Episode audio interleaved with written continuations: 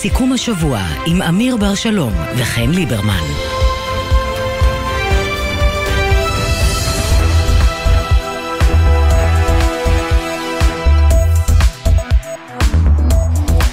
כן, אמיר, וואה. תפנית, תפנית בעלילה. כן, עד, עד ארבע וחצי הכל היה, היה לנו ליינאפ אחר לגמרי, ובארבע וחצי מתחילות להיכנס ההודעות, אה, הודעה מיוחדת של אה, שר הביטחון גלנט, אחר כך עוקב אה, הודעה בשעה שמונה של אה, ראש הממשלה, ואנחנו אה, מתחילים לראות דינמיקה חן, לפחות... מהציוצים אני חייב לומר, כי אף אחד לא עונה. אני ניסיתי להתקשר לכמה וכמה, אף אחד לא עונה. זה נראה כמו איזשהו ערב אה, דרמטי. אני, אני מאוד נזהר, כי כבר היו לנו הודעות כאלה בעבר. אני מאוד אה, נזהר, אבל זה נראה כמו דינמיקה של משהו אחר. לגבי גלנט, אנחנו כן יכולים לומר בביטחון שהוא הולך לקרוא לעצירת החקיקה. לגבי נתניהו, אנחנו לא יודעים בדיוק לומר מה הוא הולך להגיד. אנחנו שומעים גם דיווחים על כך שבכירים בש"ס כבר אומרים שהם יסכימו, יחד עם גלנט, לקרוא לעצירת החקיקה. מצד שני, אנחנו רואים ציוץ של יאיר נתניהו אה, בתגובה לכך שהכל נגמר, אומר שזה שקר. מצד שלישי, אנחנו מקבלים גם דברים של שרה נתניהו, שקוראת להסכמות רחבות. אנחנו נביא את הציטוטים של כל, אה, אה, כל המעורבים, אבל קודם אה, בואו נדבר עם יניר קוזין. מה אתה יודע, יניר? שלום, שלום לכם חן ואמיר. טוב, תראו, אה, הרבה ערפל, אה, אבל בואו ננסה בכל זאת להגיד את הנתונים שאנחנו יודעים כרגע. אז כפי שאמרתם, הצהרה של שר הביטחון גלנט בשעה שבע וחצי הערב, לאחריה בשעה שמונה הצהרה של ראש הממשלה נתניהו. כפי שאמרתם על גלנט, אנחנו יודעים מה הוא יאמר. נתניהו כרגע עדיין לא יודעים מה הוא הולך להגיד. אנחנו יכולים לקבל אולי רמז, אם תרצו, אה, כן, מהדברים? שאומרת אה, רעייתו, או כותבת רעייתו, שרה נתניהו, ממש בדקות האחרונות. אירוע די יוצא דופן, צריך להגיד את האמת, זה לא קורה הרבה שאנחנו רואים אה, דברים כאלה. אה, או כותבת אה, רעיית ראש הממשלה, אני קוראת לכולם, שימו לב, להרגיע את הרוחות ולפעול יחד למען הסכמה רחבה. והציוץ בעם של. יאיר נתניהו שלמעשה סותר את זה. לא, הציוץ של יאיר נתניהו בעצם, אה, זה לא, אוקיי, אז בואו נעשה סדר למי שלא... בדיוק, אה, זה- לא. לדעתי יש כאן עניין של זמנים. ונצרף כן. לשיחה גם את שחר גליק. שלום, שחר. שלום לשלושתכם. אז רגע. יניר, תעשה לנו את הסדר. טוב, אז uh, כתב הפוליטי של כיכר השבת, ישי כהן, uh, צייץ, אם אני מבין נכון את האירוע, האירוע נגמר, לפי המקורות בסיעות החרדיות, נתניהו מקבל את עמדת גלנט, כלומר העמדה שמבקשת לעצור את החקיקה בשלב הזה, והם תומכים, והחקיקה נדחית, אם בכלל, ואז יאיר נתניהו מצייץ שקר עם חמישה סימני קריאה. Um, בעצם אני חושב שזה מעיד בעיקר על הפלונטר שנמצא בו נתניהו, על הקושי שלו לקבל החלטה, מכיוון שאם אנחנו צריכים לרדד ממש ממש את השיח עכשיו, הוא צריך להחליט uh, עם מי הוא ממשיך. עם uh, שר המשפטים יריב לוין, או עם שר הביטחון יואב גלנט. אני לא בטוח ששניהם יכולים לחיות ביחד. אבל הייתי אומר עוד, עוד משהו. נכון, יניר? תתקן אותי אם אני טועה, אבל אה, זה לא רק בין אה, גלנט ללוין, זה בין רוב סיעת הליכוד למיעוט סיעת הליכוד. אה, אני לא בטוח שאתה צודק, כי יש אה, מיעוט אה, שקט, או סליחה, יש רוב שקט בליכוד, אנשים שבינינו, בינם לבין עצמם אומרים, טוב, אולי בכל זאת, למה אנחנו ממהרים, למה אנחנו רצים קדימה? באופן פומבי, הליכודניקים אומרים, אנחנו צריכים לחוקק את, החו, את, את הרפורמה הזאת, כן? כן, אבל אם, לחוקק- אם תהיה דרך חדשה, יכול להיות שהם ילכו. בדרך הזאת. לזה אני מתכוון, יש יותר ויותר קולות, ושחר גם יכול להשלים אותי כאן, בתוך הליכוד, שאומרים, יכול להיות שהלכנו מהר מדי וחזק מדי, צריך לחוקק את הרפורמה, אבל לא כך. כן, שחר? שחר, מה אתה שומע? כן, אז קודם כל הליכודניקים באמת אה, חצויים, חלקם אה, עם הקולות האלה וחלקם אה, בכל הכוח נגד העצירה הזו, כועסים מאוד. כמה דברים ש, שאפשר לומר על מה שקורה עכשיו לפחות בקואליציה, ב, ב, במסגרת הערפל שקיים. קודם כל חברת הכנסת טלי גוטליב, שתמיד אה, היא הראשונה שמצייצת ופותחת את הפה בכל נושא, אז גם כאן כותבת חברי השר גלנט, עכשיו היא כותבת בטוויטר ממש לפני שתי דקות, אנחנו לא קורבנות שמשלמים פרוטקשן, לקחנו מספיק צעדים אחורה עד עכשיו, נציגי השמאל לא מחפשים אחדות או אחווה, הם נהנים מהשיסוי, מהפילוג, תשמע את עצתי, פעם אחת פרוטקשן, תמיד פרוטקשן, כך כותבת טלי גוטליב, זאת אומרת היא קוראת לגלנט לא לעצור, וממה שאנחנו שומעים בליכוד לפחות, ההתרשמות של כמה וכמה חברי כנסת, היא שיש פה שני צדדים שעושים הרבה מאוד שרירים מול ראש הממשלה, גלנט מהצד שלו, ויריב לוין מהצד שלו.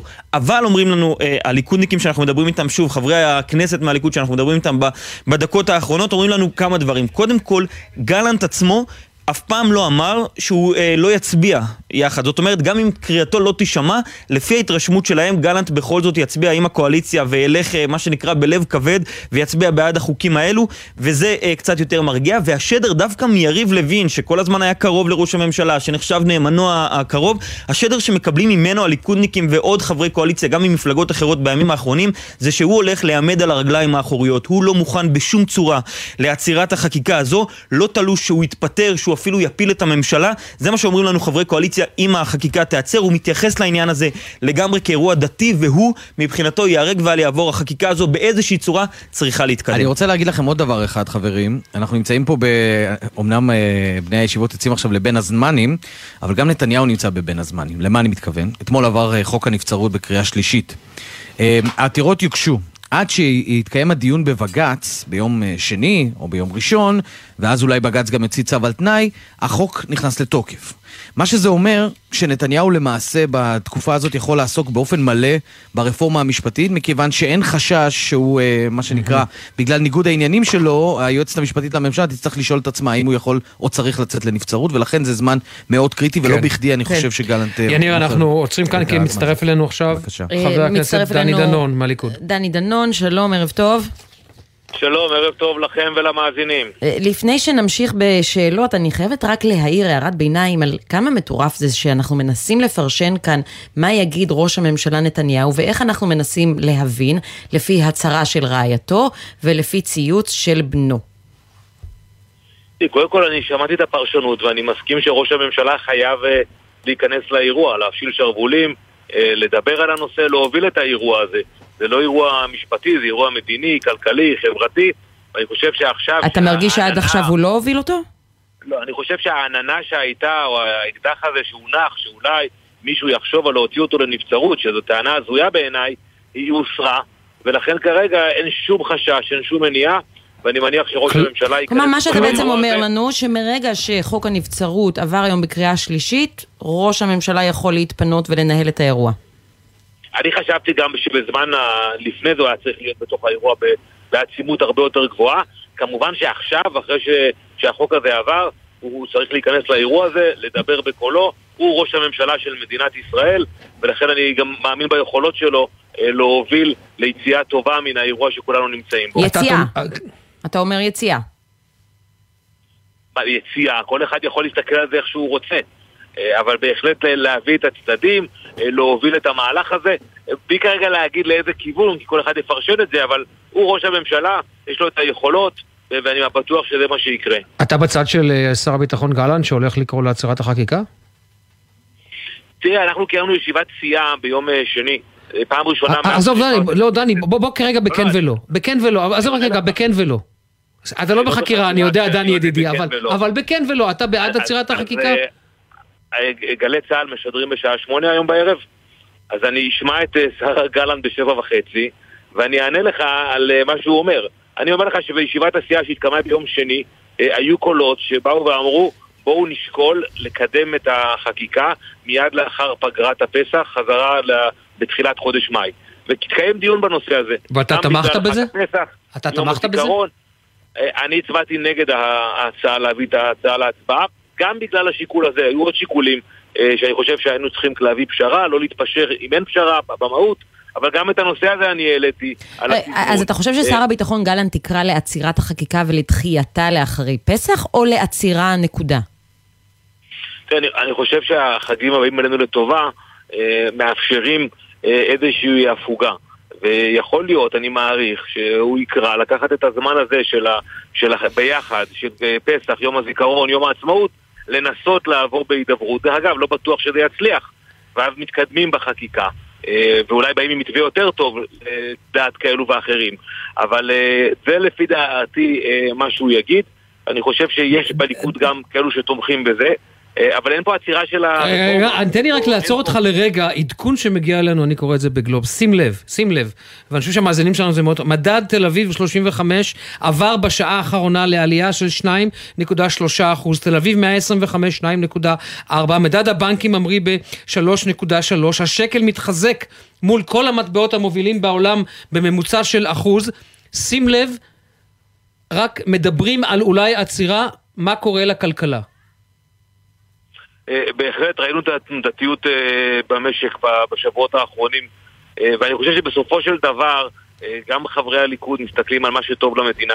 אין פה צד שצודק ולא צודק. עם כל הכבוד למפגינים, חברים בליכוד חשובה להם מדינת ישראל לא פחות מכל אותם מפגינים שיצאו היום להפגין.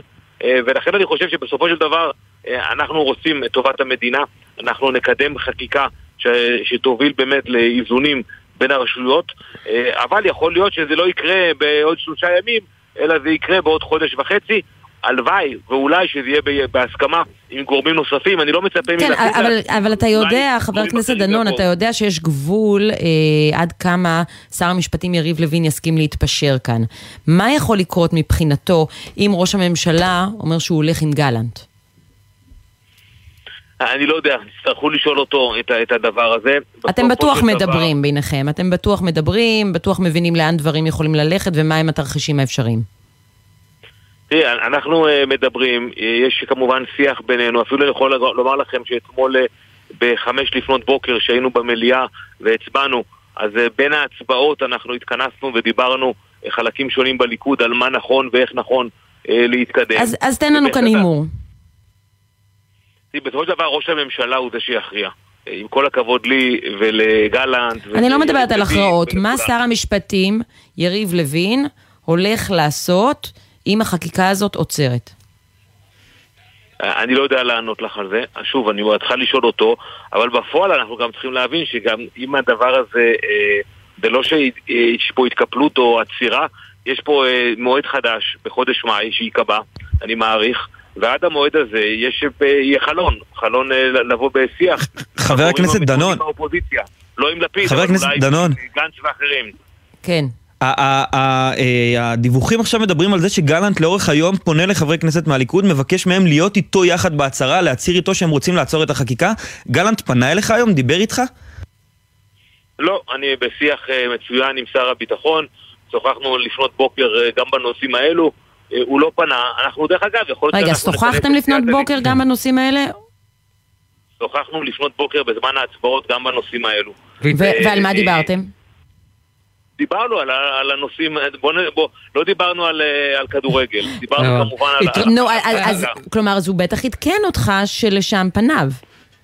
לא, הוא לא, הוא לא עדכן אותי שפניו להצהיר א' או ב', אבל אנחנו מסיעה של דמוקרטיה. לא, לא, אבל בדיוק, אבל רגע, בדיוק בהקשר הזה. רק שנייה, רק שנייה, אמיר, יכולים לכנס את סיעת הליכוד, לקיים דיון לגבי המועד של להביא את הדבר הזה להצבעה, ואנחנו נקבל החלטה בצורה דמוקרטית. דני, התרשמת שהוא מתואם עם ראש הממשלה? אה, לא היה שיח ספציפי על הצעה קונקרטית כזו או אחרת, ולכן אני לא יכול לומר לכם אה, אם היה תיאום או לא היה תיאום, אבל דיברנו לא רק איתו, עם חברים אחרים לגבי מה נכון לעשות, כי אני, אני... לעשות את הדברים. אבל לגבי תיאום, יניר שחר, אנחנו כן יודעים שראש הממשלה כבר דחה את הטיסה שלו נכון. ללונדון לארבע בבוקר, עוד לפני שידענו שגלנט הולך למסור הצהרה, כלומר יש כן. תיאום לפחות בזה. נכון, היה קצת משונה, כי מלשכת ראש הממשלה אמרו שיש אה, דחייה בטיסה בעקבות לו"ז כנסת. אה, אין כנסת. תגיד תודה שלא היית בנתב"ג. כן, זהו בדיוק, הם למדו משהו מהנסיעה הקודמת שלך לברלין איתם, אה, אה, אמיר, וידענו שזה יקרה בשעות הערב, אולי אפילו בשעות הלילה, אבל אה, הטיסה כרגע מיועדת לשעה 4, לא מורידים מה, מהאפשרות שגם הטיסה הזאת אולי תבוטל, זה עוד מוקדם לומר, אבל אני רוצה להגיד לכם משהו כללי. אני חושב שאנחנו נמצאים בסוג של שידור חוזר אה, למתווה המסתננים, אתם זוכרים, של האו"ם. אתם זוכרים את המתווה הזה? בטח שזוכרים, אבל שם בפסח. זה היה שידור חוזר, אבל השידור עצמו נמשך אולי יום. כלומר, כן, ההתקפלות, נכון, לא, אבל... הירידה מהעץ הייתה תוך יום. בדיוק, אבל מה שאני מנסה לומר, אגב, זו אותה, אותה תקופה, כן, זה היה בפסח, בחול המועד. אה, אז אה, הציג נתניהו עם השר דרעי את מתווה האו"ם להוצאת חלק ממבקשי המקלט מישראל אה, למדינות אירופה, והשארה של חלק, או שליש אם אינני טועה, כאן בארץ. תוך, מה, כמה שעות, פחות מ-24 שעות, אה, מחול שדים מתחולל ברשתות החברתיות, כולל קריאות לא להצביע לליכוד, כולל גזירה של חברי ליכוד את הכרטיס שלהם, ועוד ועוד לחץ מאוד מאוד כבד על נתניהו. ותוך 24 שעות הוא חזר ממנו, חזר, ב, חזר בו מה, כן. מההחלטה הזאת. בעניין הזה צריך לומר...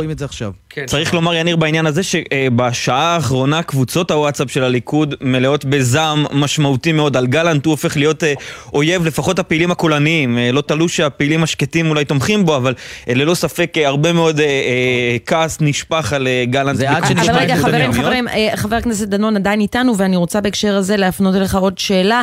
לגבי מה שיניר אמר, הוא הזכיר את אותו מתווה של האו"ם על מבקשי המקלט וההתקפלות של נתניהו אחרי מחאה, אבל ההבדל הגדול בין שני האירועים, שבעניין המתווה, המחאה הייתה מצד הבייס. כאן המחאה היא מהצד שמתנגד לנתניהו, מהצד שלא הצביע לנתניהו. איך הדבר הזה, חבר הכנסת דנון, יכול כן להשפיע על הבייס ועל התגובה של הבייס, של נתניהו ושל הליכוד? תראה, אני חושב שצריך לקחת הכל בפרופורציות. אה, מצד אחד יבואו אה, כאלו ויגידו שיש פה כניעה והתקפלות מוחלטת, מצד שני יש כאלו שיבואו ויגידו לא יקרה כלום אם עוד חודש אה, נתקדם בתהליך, אולי אפילו נשפר אותו לטובת מה שאנחנו מאמינים ולא נרכך בצורה אה, שלומיאלית כמו שהיא נעשתה אה, לאחרונה. אבל מה שחשוב בסופו של דבר שההחלטות יתקבלו בצורה דמוקרטית בסיעת הליכוד ולכן אני חושב שאנחנו כן צפויים לתחילת שבוע מעניין בשבוע האחרון של הכנסת. את- אתה אבל לא חושב, אתה יודע, חבר הכנסת דנון, אני ישר, ביום אה, ראשון שמעתי את חבר הכנסת ביטן אומר משפט ש... אתה יודע מה, אה, אני בתור, אה, אה, לא שמעתי הרבה זמן כזאת, אה, אה, אני קורא לזה כנות של פוליטיקאי. הוא אמר, אם הליכוד ימשיך בדרך הזו, הליכוד הולך לאבדון. הוא אמר את זה בערוץ 12 אצל רפי רשף. אתה חושב... אתה, אומרת, אתה חושב שחבר הכנסת אה, אה, ביטן אולי אמר את מה שאתם חושבים אבל לא מעזים לומר? לא, אני חושב שאנחנו בק- בליכוד מדברים בצורה מאוד ישירה, מאוד ברורה. אה, בסופו של דבר אנחנו מסתכלים על מה שטוב למדינת ישראל קודם כל. לאחר מכן מה שטוב לליכוד. אני חושב שהוא אמר את זה בשני הכובעים. בשני הכובעים הללו, חבר הכנסת דנון. אז אנחנו קודם כל נסתכל על מה שטוב למדינת ישראל, ודרך אגב, גם מי שמקדם את הרפורמה עושה את זה מאהבת הארץ ומאמונה יוקדת שאנחנו עושים את הדבר הנכון למדינת ישראל ולדמוקרטיה בישראל. אין פה בעלות לצד אחד שהם הדמוקרטים והם הנאורים. יש פה חילוקי דעות לגיטימיים, אה, תמיד צריך להסתכל אבל על איך אנחנו מצליחים לשמור על, ה- על האחדות שלנו בזמן שאנחנו מתווכחים בנושאים כל כך מהותיים.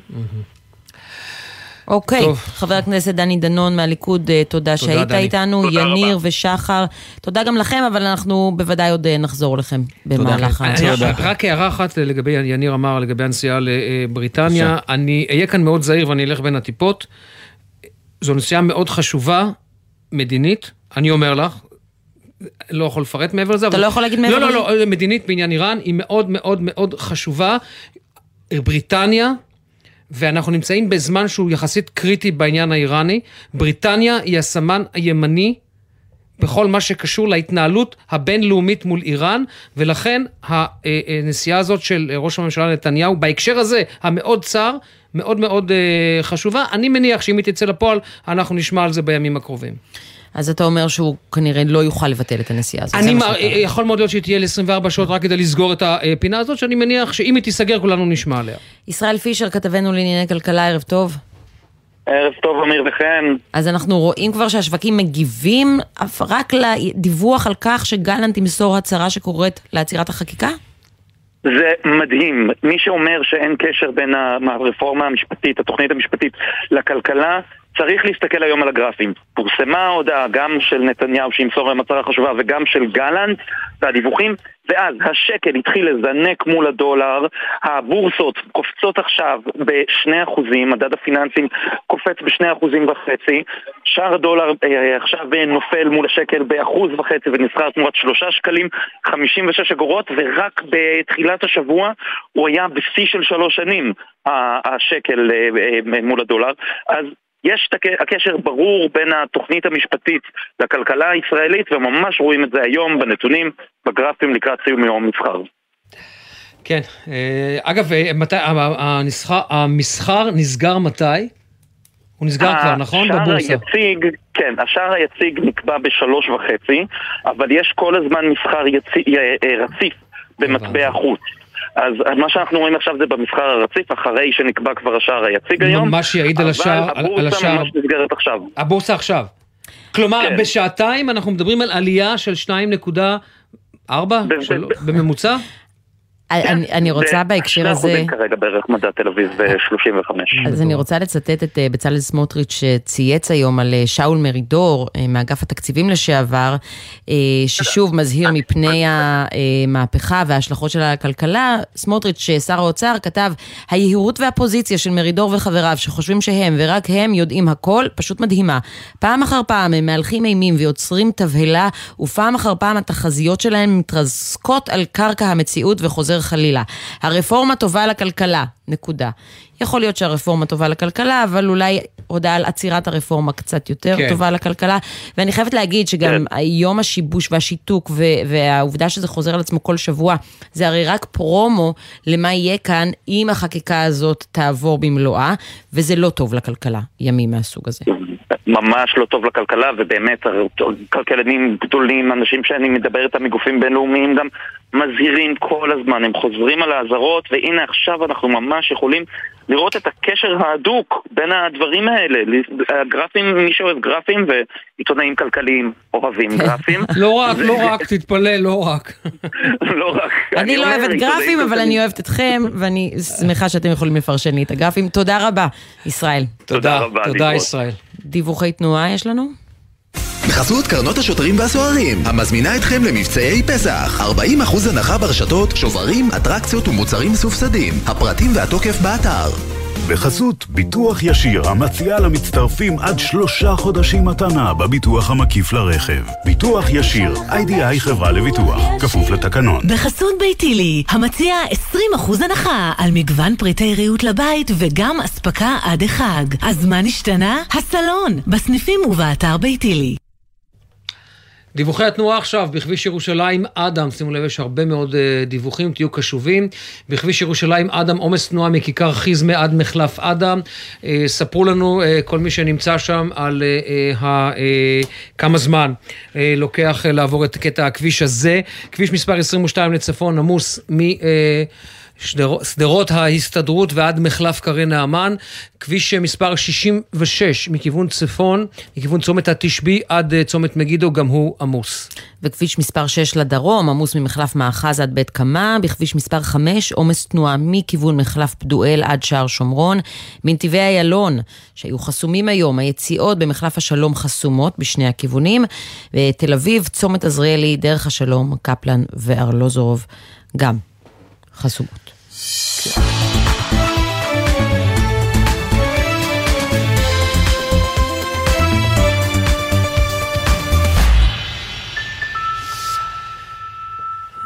אה, טוב, אנחנו עכשיו, אה, את יודעת, חן, בוא נתאר רגע למאזינים מה קורה כאן. שידור כזה זה השידור הכי כיפי, כי אתה לא יודע מה יקרה, מרוב אירוע רודף אירוע, רודף אירוע, רודף אירוע, ואנחנו עכשיו עם אייל נווה ממחאת המילואימניקים. ויש גם הרבה תעלומה בתוך אה, כן, האירוע הזה, אייל נווה. אה, מחאת המילואימניקים אחים לנשק, אתם מקבלים את העדכונים על כך שגלנט ימסור את ההצהרה שלו, אה, יש לכם איזשהו קשר לאירוע הזה? אני בטוח, אחרי 11 שבועות שאנחנו בכבישים, בהפגנות, אצלו בבית אה, עשרות פעמים, אחרי שכל ראשי השב"כ, כל ראשי המוסד, כל הרמטכ"לים, כל הקצינים, כולם אה, לחצו, אנחנו סוף כל סוף אה, מתחילים להרגיש את זה, ואני אומר את זה בצורה עדיין באופטימיות זהירה. אני מקווה שהוא יגיד את מה שאנחנו רוצים לשמוע, שהוא קורא לעצירת חקיקה, ואחריו יבואו עוד אנשים, יצטרפו, ונחזור ונתחיל לרפא את הפצע ואת הקרע העמוק שנוצר בעם. ואני שואלת אם יש לכם קשר לאירוע הזה גם מבחינת אה, שיחות שנוהלו עם שר הביטחון גלנט, על ידי אנשים שהם גם חלק מהמחאה. האם אתה יודע על איזה שהם מסרים שהועברו גם ממנו? התשובה היא אה, חיובית, אבל אנחנו כמובן לא נשים את זה פה על גלי הרדיו, אין, אין טעם, אנחנו עובדים גם רועש, כמו שלמדנו בצבא, כמו שלמדנו בסיירות, כמו שלמדנו בגדודים, גם רועש וגם שקט, מפעילים את כל הלחצים. גם אה, לחצים מחוץ לארץ, עשינו את הכל כדי להסביר שאסור שהדבר הזה יקרה. אז, אז, אז אני, לא, ש... אני לא אבקש שתגיד לי בדיוק מה נאמר בחדרי חדרים, אבל אולי אם תוכל לפחות להצביע על איזושהי נקודת מפנה מבחינתו של שר הביטחון. המשפט היה משהו עם סמוי מן העין. העבודה הקדושה נעשית כשהיא סמויה מהעין, זה המסר שאני יכול להעביר. נפגשתם לאחרונה, שוחחתם לאחרונה עם שר הביטחון או מישהו מ... אה, זה הרגע מה ששאלתי. זה- אנחנו- אני- אני אני- אני פשוט אני קראתי כאן, לא, אני קראתי כאן את העדכון, את העדכון של חבר- של אה, חברת הכנסת דיסטל אטבריאן, שקוראת. לגלנט להתפטר, אז יכול להיות אנחנו שפספסת את השאלה בשידור כזה. שאמיר מקבל וכולנו מקבלים הרבה ציוצים תוך כדי, אבל כן, הם אה, נפגשו, הוא לא יכול להגיד בדיוק מי נפגש, והוא גם לא רוצה להגיד יותר מדי על הפגישות. אני יכול אבל לא, אני יכול רק אני לומר לך. כן מתעניינת באמת להבין מה היה הרגע שבו גלנט אומר, צריך לעצור, כי הרי הוא בטח התבשל ברגע הזה יותר מכמה ימים. חברים, כל, כל אנשי הצבא לדורותיהם, כולם אומרים לעצור את החקיקה הזאת. היא פוגעת בחיילי צה"ל, היא פוגעת בביטחון המדינה. אנחנו, זה המצב, אין, אין, אין מצב אחר. זה לא אולי, אולי בערך, אולי. זה לחץ שהפעלנו מכל הכיוונים. אני עוד מקווה באופטימיות זהירה, אני עוד פעם אומרת, בואו, זה לא סוף האירוע. אנחנו חייבים להמשיך וללחוץ, ואני קורא מפה לא לעצור, להפסיק, להמשיך בכל הלחץ. או, אז זה מה שאני, אתה מביא אותי להמשיך, לא לשאלה הבאה. אתה קורא לא לעצור, למשל המחאה לא. שמגיעה הערב לבני ברק. אתה קורא גם להם להמשיך בכל הכוח, למרות שיש גם בתוך ובקרב אנשי המחאה מחלוקת לגבי האם בכלל נכון להגיע לבני ברק. אנחנו לא באים לבני ברק, אנחנו כאחים לנשק לא מגיעים לבני ברק. שבוע שעבר הקמנו שם בקו"ם, השבוע קראנו לא לבוא, לא חשבנו שזה נכון. מצד שני, אני דיברתי עם סגן ראש העיר, הוא אמר שיקבלו עם פרחים, עם אהבה, מותר להפגין בבני ברק, מותר להגיד לאנשי בני ברק, אם אתם רוצים את כל הכוח אליכם, יש גם נטל שצריך לקחת. עד היום לא סחבתם את הנטל הזה, מותר להגיד את הדברים האלה, ואין בזה שום בושה. ולכן אני, אין שום בעיה להפגין גם בבני ברק, בכל מקום בארץ, זאת ארץ שלנו, של כולנו. אנחנו עם אחד, ולכן אני לא רואה בזה בעיה. ואם יתקפו את, את אנשי המחאה, זה יהיה דבר נוראי בעיניי, נוראי. אגב, יכול להיות שהמתקפות לא יגיעו מצד תושבי בני ברק, אבל אנחנו כן רואים שיש כבר התארגנויות, אה, גם על ידי פעילי ימין, כדי להגיע אה, למוקד המחאות בבני ברק, למוקד ההפגנה, ויכול להיות ששם כן נראה עימותים הערב, ויכול להיות שאפשר עוד למנוע את זה, במיוחד אם אנחנו מתכוננים להצהרה הזאת של גלנט. אנחנו מצפים מראשי החרדים, גלנט וגפני וגולדפלוף להגיד חבר'ה תעצרו את החקיקה, היא קורעת את העם. אתם אין לכם את הזכות לא לקרוא את הקריאה הזאת ואנחנו לא שומעים אותם. ואני חושב שהכניסה לתוך בני ברק היא כדי שהם יזעקו בואו ביחד כי עם אחד נחבור ונהיה בחזרה, נחזיר לנו את- את השמחה ונעבור את האירוע הזה. תודה. אגב, את יודעת, חן, אנחנו מדברים על ההצהרה של גלנט, גלנט, גלנט, כי יכול מאוד להיות שהוא הראשון שיוצא בצורה כל כך, אה, אה, אני אומר, לעומתית, או... וקורא לעצור את הרפורמה, אבל מה שחשוב זה הצהרה של ראש הממשלה בשעה שמונה, כי הוא נכון. בסופו, בסופו של דבר, משם אנחנו נדע לאן אנחנו באים ואנה אנו הולכים. כלומר, ויכול להיות מצב שיש הצהרה של גלנט, שהוא קורא לעצור את החקיקה, ואז הצהרה של נתניהו שאומרת, לא עוצרים את החקיקה, תודה לך, שר הביטחון. קשה לי להאמין שזה גם התרחיש. לי קשה, למרות שהיה מתח, אני יודע שהיה הייתה, הייתה- היה מתח בין השניים בימים האחרונים, אבל זה לא מתח ברמה כזאת של, אוקיי, שר הביטחון מניח את, ה, את המפתחות, הוא כן דיבר על זה, היה מתח ביניהם, ואני חושב שראש הממשלה דווקא בהקשר הזה, אני חייב לומר, ושוב, זה ממה שאני ידע, יודע ושמעתי ושוחחתי עם המקורבים, הייתה הבנה בצד של ראש הממשלה למצוקה ש... ל... אה, אה, של גלנט ושל הרמטכ"ל. אני מזכיר לך את ההצהרה ביום ראשון בישיבת הממשלה, ואחר כך העניינים התחילו, אה, אה, השתנו קצת ביניהם, ואני חושב שכן הייתה אוזן כרויה של ראש הממשלה להקשרים האלה. לא מן הנמנע שאנחנו נראה את התוצאה של זה הערב בשבע וחצי ואחר כך בשמונה בהצהרה של כן. ראש הממשלה. אייל נווה ממחאת המילואימניקים, אחים אני לנשק. מש- משפט אחרון, כן. אני כן בזמן הזה, ואם אפשר לשנות, אנחנו קוראים לראש הממשלה לתמוך בגלנט ולעצור את החקיקה הזאת ולקרוא לאנשים להידברות, לשבת ולדבר, זה מה שאנחנו רוצים, זה הכל. בשלב הזה לדחות את זה ולשבת ולדבר, מפה אנחנו קוראים לראש הממשלה. אוקיי, תודה רבה. תודה, אייל. גלית דיסטל. אטבריאן צייצה. אה, כן, היא אומרת... אה, את קוראת או אני כן, קורא? כן. אה, כל חבר כנסת מהליכוד שמתכנן לעצור את החקיקה מוזמן להתפטר, עדיף היום, רצוי בדקה זו ממש. אבל דבר אחד חייב להיות ברור, לאף אחד מנבחרי הליכוד אין שום זכות ליהנות מהמנדט שהכניס אותו לכנסת ואז לבעוט בבוחרים. הבוחרים שלנו עברו מספיק, הם לא צריכים את הבנטיזם הזה עכשיו בנטיזם. על הראש. מעניין מאוד, מעניין מאוד. מה נתניהו הולך לעשות, כי. הוא... כן, סליחה, כן. בבקשה, שר התקשורת, תקריא. לא, לא, לא, סליחה. לא, לא, אני אומרת, זה רק מעניין לראות מה נתניהו הולך לעשות, קרוע בין גלית דיסטל אטבריאן וטלי גוטליב ושר התקשורת שעוד מעט אתה הולך לצטט, לבין גלנט, ונראה גם מי יצטרף לגלנט, כי גלנט יתווה פה איזשהו נתיב חדש גם לחברי ליכוד.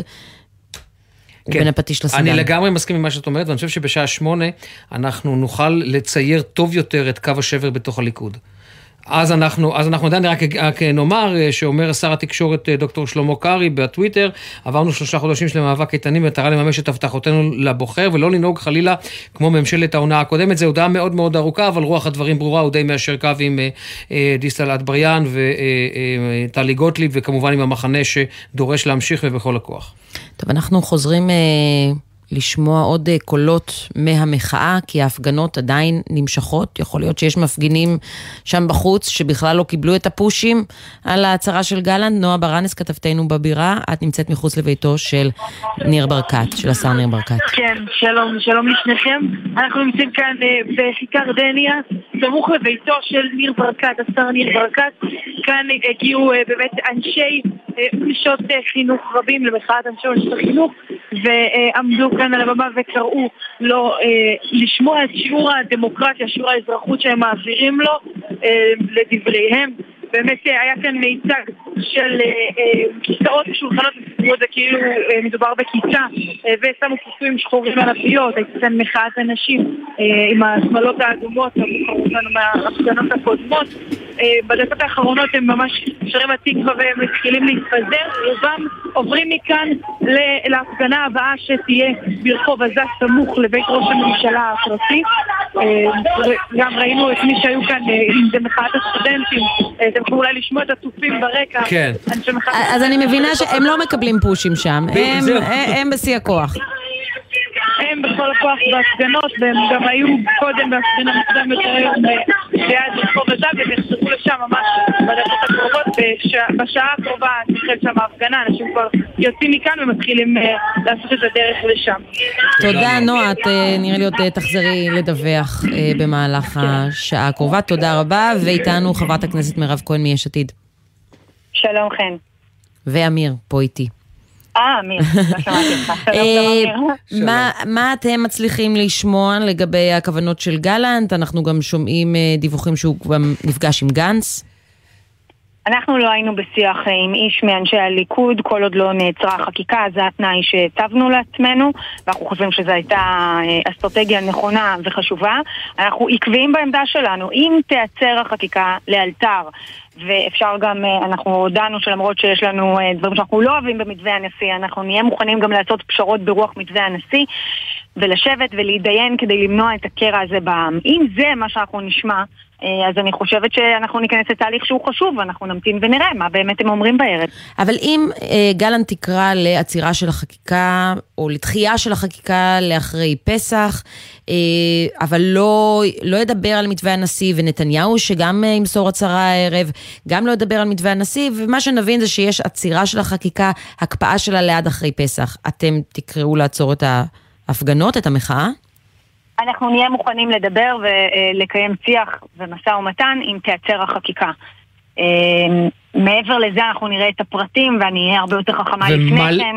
ומה לגבי ההפגנות? את ה... בעניין הזה אתם תבקשו לנצור, או שתמשיכו עם מה שנקרא עם יצרה פתוחה? קודם כל, אף אחד בהפגנות לא עובד אצלנו.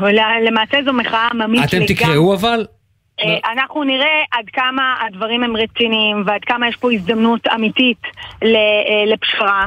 אם יהיה פה הזדמנות באמת אמיתית לפשרה, אנחנו תמיד נעשה את מה שנכון. כלומר, בינתיים מבחינתכם הכל נמשך כרגיל, כל המחאה נמשכת כרגיל, עד אשר אתם לא תקבלו את התשובות שיספקו אתכם?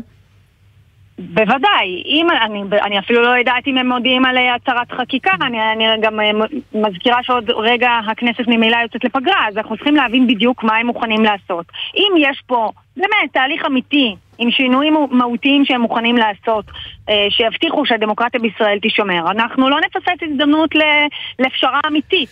אם אנחנו נראה שזה עוד פעם אחד מהתרגילים שלהם, כמו שהם אמרו קודם, שרוטמן מביא ריכוך, שזה ממש לא היה ריכוך, הכל שם בשליטה פוליטית, או שהם אומרים עושים הפסקה, אבל במקרה זה יצא על שישי שבת, בואו נראה שהם באמת באים אבל, אבל את חושבת שהצהרה של שר הביטחון גלנט, שעד כה לא התבטא בנושא וכבר אה, השמיע קולות בכל מיני דרכים של קשיים שיש לו מול התוכנית הזאת, את חושבת שזה גם יכול להיות חלק מאיזשהו תרגיל?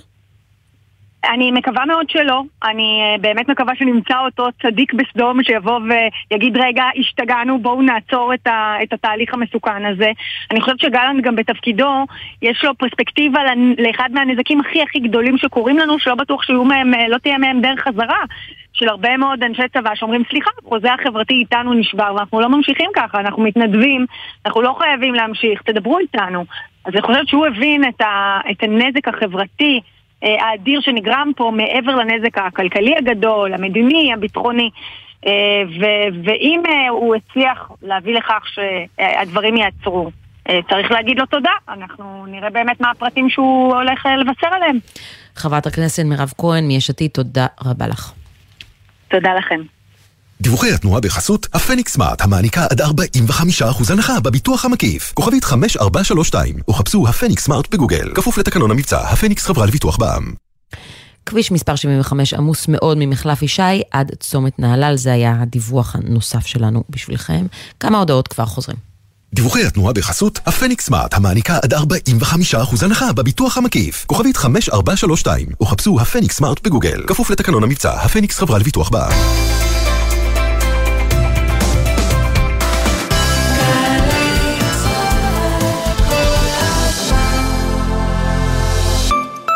תגידו, כדאי להיות מורה? מי מתאים להיות מורה? מה הקשר בין ספורט לחינוך? למה לבחור בלווינסקי וינגייט? בואו נפתח הכל.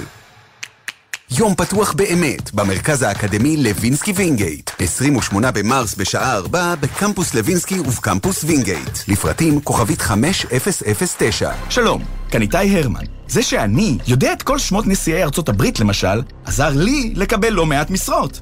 לראיונות העבודה שלכם, זה בוודאי יועיל פחות. אבל מה שתלמדו באתר קמפוס IL יכול להעניק לכם יתרון בכל ראיון. כי בקמפוס IL תמצאו קורסים חינם כמו כתיבת קורות חיים, יצירת פרופיל לינקדאין, אקסל למתקדמים ועוד רבים שישדרגו לכם את קורות החיים. קמפוס IL, בהובלת מערך הדיגיטל הלאומי והמועצה להשכלה גבוהה. העולם מתקדם מהר, גם אנחנו באוניברסיטת רייכמן. אתם מוזמנים לשמוע על תוכניות הלימוד הבינתחומיות שנועדו להכין אתכם לאתגרי המחר. יום פתוח לתואר ראשון, מחר, תשע בבוקר, באוניברסיטת רייכמן, האוניברסיטה הפרטית היחידה בישראל. בכל חמישי בחצות. שלום לך, שחר אמנו. לילה טוב, בן, מה המצב? זה הזמן. במזרחית. בן פראג' ושחר אמנו מארחים את אומני הזמר המזרחי המובילים לילה טוב לאורח שלנו דוד זיגמן, ישי לוי, יוסי גיספן, שגיב כהן, חיים מוליאל, סמי לזבי עם מוזיקה שמזכירה נשכחות והשיחות אל תוך הלילה. מי מגילת זוהר? עכשיו הזמן במזרחית, הלילה בחצות, גלי צה"ל.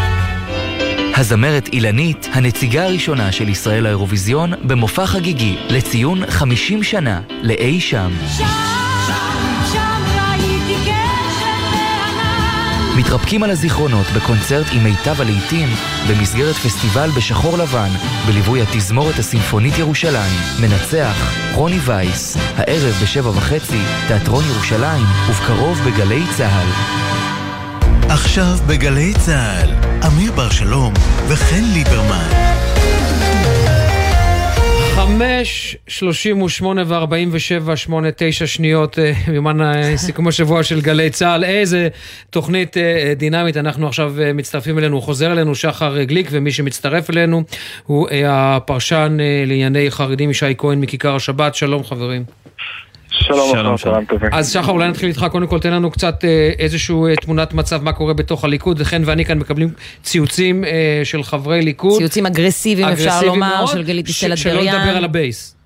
חד משמעית, שימו לב אגב, הציוץ הזה המדובר של גלית דיסטל אטבריאן שאומרת כל חבר כנסת מהליכוד שמתכנן לעצור את החקיקה מוזמן להתפטר ומי משתף את הציוץ הזה, מצייץ אותו מחדש? יאיר נתניהו, בנו של ראש הממשלה, הוא גם משתף בשעה האחרונה, מגיב לכל אחד שאומר שהחקיקה תיעצר, כותב לו זה שקר, fake news, משתף כל מיני פרסומים של כל מיני עיתונאים שטוענים שהחקיקה לא הולכת להיעצר והוא אולי מציג איזשהו את הקו הבאמת ניצי בליכוד שהוא בינתיים הקו הרועש, זאת אומרת אנחנו רואים גם את את אה, אה, טלי גוטליב, גם את גלית דיסטל אטבריאן, גם את שלמה קרעי, כולם נעמדים ותוקפים את גלנט, גם אם הם לא אומרים את שמו אה, במרומז, את כל מי שקורא לעצור את החקיקה, ובינתיים אף אחד בליכוד לא קם ואומר, אני עם גלנט, אני רוצה לעצור את החקיקה, בינתיים הצד הזה נשאר ריק לחלוטין ושקט. בסביבת נתניהו צריך לומר קשובים לכל מה שקורה ברשתות, עוקבים בקדחתנות אחרי מה שנכתב, אחרי מה שמפורסם, וייתכן מאוד שזה גם ישפיע על אופי ההצהרה, או לפחות על הצורה שבה היא תועבר. אני רוצה רגע שתפרשן לי דברים שאמר כאן חבר הכנסת דני דנון אה, לפני כמה דקות. הוא אומר, אני מסכים שראש הממשלה חייב להיכנס לאירוע, להפשיל שרוולים ולהוביל אותו. העננה של הנבצרות הוסרה, לכן כרגע אין שום חשש ואין שום מניעה לכך. כלומר, מה שהוא אומר זה שראש הממשלה נתניהו חיכה שחוק הנבצרות יעבור בקריאה שלישית, כדי לקחת את התפנית הזאת, זה מה שהוא אומר, תסביר לנו את זה. זאת הטענה, זאת אומרת, הרי כל הזמן אנחנו מדברים על אה, הסדר ניגוד העניינים של אה, נתניהו, שהיועצת המשפטית לממשלה אומרת לו, אסור לך לדבר על הנושא המשפטי. עכשיו תראי, אם הוא מפר את ההסדר הזה, יש בעצם שני צעדי ענישה. אחד מהם באמת הוסר הבוקר, החוק הנבצרות. אה, להוציא את ראש הממשלה לנבצרות, יכולה היועצת המשפטית, או עכשיו כבר לא יכולה. הצעד השני הוא כתב אישום על הפרת אמונים. היא לא תגיש נגדו כתב אישום על הפרת אמונים כנראה, אם הוא ידבר על אה, אה, המהלכים המשפטתיים, בטח אם הוא יקרא לעצירה, אבל כנראה שזה אה, צעד רחוק מדי. ולכן נתניהו אה, יכול באמת להרגיש הרבה יותר חופשי. אה, עכשיו כשסיפור חופשי הנבצרות לעשות יורד מה? מ... זאת השאלה. חופשי להתעסק אפילו בנושא, לדבר עליו בצורה פומבית. ראינו שבימים האחרונים הוא מתח קצת את הגבול, זאת אומרת מפעם לפעם כל הצהרה הוא נכנס קצת יותר, דיבר עוד טיפה, עוד קצת, אה, אה, אה, טיפה יותר מפורש, קצת יותר ברור אה, על הרפורמה כן. הזו, ניסה להסביר כל הזמן שאנחנו לא פוגעים בדמוקרטיה, אלא מחזקים אותה, זה היה הקו של נתניהו כל הזמן הזה, וזה הקו שצריך לומר, הליכודניקים המרכזיים עכשיו איתו, ובאמת אה, הליכוד סוער כולו. כן, ישי כהן, אה, מכיכר השבת, אתה פרסמת מקודם שבכיר בש"ס אומר שהם ילכו עם הקריאה של גלנט. האם הפרסום הזה אה, עדיין כן. רלוונטי? אה, כן ולא. תראה, אני צייצתי בשם גורם בכיר מאוד בש"ס, שאומר אני אתמוך בדרישה של גלנט, ואני מבין שזה גם מה שקורה מאחורי הקלעים. קחי את ש"ס ויהדות התורה, שתי הסיעות הללו הדגישו מהרגע הראשון אנחנו לא חלק מהחקיקה שקשורה לוועדה, לשינוי ועדה למינוי שופטים, אנחנו לא חלק מהאירוע הזה, אנחנו חלק מהקואליציה ומחויבים במסגרת החברות בקואליציה להסכמים הקואליציוניים ולכן אנחנו מצביעים בעד זה עם זה ותומכים, לא נגד, אבל אנחנו חלק מהקואליציה, לא, מובילים, לא, לא מובילים אלא מובלים. למרות שסקר אחר- אחרון הראה שבציבור החרדי יש תמיכה גדולה מאוד ברפורמה. כן, כן, אבל לפני כן רגע אני רק רוצה לעשות סיכום מצב מה קורה כן. החרדיות בשעה האחרונה ולשם זה הלך בשעה האחרונה. כרגע ההודעות הרשמיות של ש"ס ויהדות התורה הן אומרות דבר מאוד פשוט. אנחנו תומכות בכל מה שנתניהו יחליט. זאת אומרת, נתניהו יחליט בעוד שעתיים להקפיא את, את, ה, את ההצבעה, את החקיקה, אנחנו איתו. יחליט להצ... להעביר את ההצבעה בכנס, בכנס החורף בעוד אה, שלושה ארבעה ימים, אנחנו איתו. אנחנו מגבים את נתניהו בכל החלטה. האירוע פה זה שאומרים מגבים את נתניהו אם הוא יחליט לדחות את החקיקה, בניגוד למה שקורה עם בכירי הליכוד. אבל אתה כתבת, אתה הוספת שם שלהערכתי זה גמור עד אחרי פסח, נכון? התחושה שאני שמעתי לפני כשעה פלוס מינוס, אני כבר, אתה יודע, זו שעה שנראית כמו כמה שעות, אה, מ- גם מש"ס, גם מיהדות התורה, שהאירוע נגמר. אה, יניר קוזין... האירוע אה, נגמר או האירוע נגמר עד פסח? זהו, תגדיר אירוע. נגמר. תגדיר אירוע נגמר. התחושה הייתה לפני שעה שהחקיקה נדחית כמעט בוודאות לכנסת, לכנס, לכנס הקיץ בעוד אה, חודשיים בערך, חודש וחצי, חודשיים. מה שקורה בשעה האחרונה משנה את כל התמונת מצב, זו האמת. אני, אני רוצה לצטט בזה את יניר קוזין, אה, ידידנו, עמיתנו, גם כאן בגל"צ, הוא דייק את המצב לפי מה שאני שומע מכל הגורמים שמעורבים באירוע כרגע. וכותב יניר קוזין ככה, אנחנו בסוג של שידור חוזר של מתווה האו"ם להוצאת מבקשי מקלט מישראל. אז דרעי ונתניהו הציגו מתווה שיוציא חלק מהמסתננים מישראל וישאיר חלק כאן. תוך כמה שעות לחץ אדיר על נתניהו ברשתות החברתיות, כולל קריאות לא להצביע לליכוד. תוך 24 שעות נתניהו שינה את דעתו, זה פחות או יותר מה שקורה עכשיו, כותב ומדייק עם מה שאני שומע גם. כלומר, מה שאתה אומר בין הדברים, יש עכשיו לחץ אדיר על ראש הממשלה נתניהו. תראה את ההודעות, תראה את ההודעות שיוצאות, מגלית דיסטל ועד אה, שלמה קרעי ואחרים. וואו. כלומר, כלומר, תראה, אתה- ההודעות אתה אומר האלה של גלית דיסטל ושל אה, קרעי יכולות עוד להפוך... מייצרות לחץ פנימי, כי יש את יואב אבל, אתם חושבים בתוך שראש הממשלה היה כבר מעדכן ואומר, אני מוסר הצהרה בשמונה בערב, ואולי הוא יעדכן וישנה ויהפוך ב-180 מעלות את ההצהרה הזאת לפי הציוצים של גלית דיסטל אטבריאן? אה, קודם- לא קודם כל, חד משמעית. כן, יכול להיות. זה אירוע שנתניהו אני עושה רוצה, הרבה בלוני ניסוי אני עדיין כאלו. רוצה לנעוץ את הדבר הזה כדבר שהוא כן, משונה. אבל יש הבדל, סליחה רגע חברים, אבל אתם אומרים בלון ניסוי, אבל יש הבדל בין בלון ניסוי לשחרר הצהרה, לבין הצ... הצהרה לתקשורת, לבין זה של לקבוע בפריים טיים הצהרה ביום כזה דרמטי, ואז... לשנות את הנוסח ברגע האחרון, נראה לי, אתם יודעים, בראש הממשלה נתניהו, אפשר, אפשר להגיד עליו הרבה דברים. אדם מחושב הוא כן, זאת אומרת, הוא גם יודע, הוא יודע לחשב פוליטית. אלכסונים, מחירים והישגים. יש כאן שתיקה רועמת, כי יכול להיות, אמיר, שראש אתם הממשלה שאתה מתאר, הוא השתנה קצת, ואנחנו יכולים לראות שבתקופה האחרונה... לא, היה סימן שאלה בסוף ראש השאלה שלי, הממשלה- בסוף הדברים שלי. זה לא... זה- לא, נראה לי שזה גדול עכשיו על אנשים לענות לזה, כן. אני רוצה בהמשך למה שדיברת קודם על הציבור החרדי, אה, אה, כי מה שאני לפחות שומע מהמפלגות החרדיות בשבועות האחרונים זה קודם כל הם אומרים, אנחנו חלק מהאירוע, צריכים לשמור על פרופיל נמוך כדי לא, אה, אה, כדי לא, שהאש לא תופנה אלינו, שהציבור, שהסיפור הזה לא יהפוך להיות סיפור חרדי. והדבר השני שהם אומרים, זה שכל האירוע הזה מתחיל ונגמר בחוק הגיוס. זאת אומרת, להגיד שזה לא אה, אירוע בוא- של הציבור החרדי זה קצת מוזר. בוא, בוא נעשה כאן סדר. קודם כל ראשי המפלגות החרדיות לא מתראיינים, שלושתם, גם חברי הכנסת והשרים, כמעט ואי אפשר להשיג אותם גם ראיונות בתוך התקשורת החרדית, וכך אנחנו גם רואים חילוקי דעות בתוך הסיעות החרדיות. גפני אומר לי ביום, גפני אומר לי ביום שני, אנחנו דורשים את פסקת ההתגברות, לא נתפשר על פסקת התגברות שנוגעת רק לחוק הגיוס. אנחנו רוצים פסקת התגברות ברוב 61 לכל החוקים. מאידך, אתה שומע את השר יואב בן צור בריאיון נדיר בתקופה הזו, אצלי אתמול באולפן כיכר השבת. הוא אומר, אם הנושא של הגיוס מסתדר, מצליחים להעביר את הגיוס, אז מבחינתנו פסקת ההתגברות מיותרת. וזה מה שחושף את כל מה שאנחנו מדברים בשבוע האחרון, על סוג של צעד אחורה שלקחו בש"ס מול מה שקורה עדיין ביהדות התורה, שמתעקשים עדיין על פסקת התגברות ברוב של 61. מה אומרים בש"ס וביהדות התורה לגבי מתווה הנשיא? כי הוא די מיטיב איתם. אה, לא מקבלים. אה, צריך לומר, אגב, פה זה גם הוכחה שאני לפעמים שומע מראשי המחאה שאומרים, החרדים רוצים את אה, רפורמת המשפט בשביל להשתמט מהצבא. אם הם היו רוצים, זה כל האירוע, השתמטות מהצבא או להחזיר את דרעי לשולחן הממשלה, יש להם את זה במתווה הנשיא. מתווה הנשיא קובע שהממשלה נכון. יכולה לחוקק חוק גיוס ברוב רגיל, 61. כי הוא בסדר, לא- אבל יש להם גם מחויבויות. קואליציוניות, אז אם הקואליציה דוחה את מתווה הנשיא, הם לא יכולים לצאת נגד. היו יכולים לומר, תראי, אם דרעי היה רוצה, היה יכול לבוא ולומר בתדרוך, במסיבת עיתונאים, בריאיון, אני תומך במתווה הנשיא וצריך לשמש, לשמש כבסיס למשא ומתן. אבל הטקסטים שאת שומעת מש"ס והיו תורה הם שונים לחלוטין. מתווה הנשיא לא בסיס למשא ומתן, לא מהווה בסיס למשא ומתן. שוב, אני תוהה אם זה טקסטים שאנחנו שומעים כי הם התבקשו להשמיע את הטקסטים האלה לא, כרגע, לא, ויכול לא, להיות אני שהם עוד יכולים אני להתהפך. אני חושב שהחרדים די התאכזבו ממתווה נשיא המדינה. מהרבה סיבות, אבל אה, הנה, אני פשוט חייב לסיים גם. בסוף בסוף, מכל, מכל המתווה, אמר לי, אמר לי אחד מראשי המפלגות החרדיות, כן. רבע שעה אחרי שמתווה הנשיא פורסם, אומר לי נייר למגרסה. לא הבנו. אוקיי. טוב, אה, ישי כהן. כיכר שבת, תודה ישי שהצטרפת אלינו. שחר, אתה, אני אומר לך תודה לפי שעה, כי אני מניח שאתה תחזור. עוד, אה, נשתמע, רק כמובן. נאמר אה, תודה חברים. הוא כבר לא איתנו, רק נאמר שאנחנו ממשיכים בשידור רציף כאן בגלי צה"ל אה, עד, אה, עד אחרי הצהרת אה, ראש הממשלה בשעה שמונה, כן את ואני כאן אה, נישאר, מבטיח תה. תודה מבטיח רבה. תה, תה יגיע. עד עד שנדע מה בדיוק. קורה אז פה. אל תעזבו אותנו, אנחנו כאן, לוח השידורים ישתנה ואנחנו נהיה עם כל ההתפתחויות וכן הפוליטיות. ניקח הפוגה קצרה מהעניינים, הפ- אה, העניינים הכל פוליטי, אבל הפוגה קצרה ממתווה לכאן או לכאן.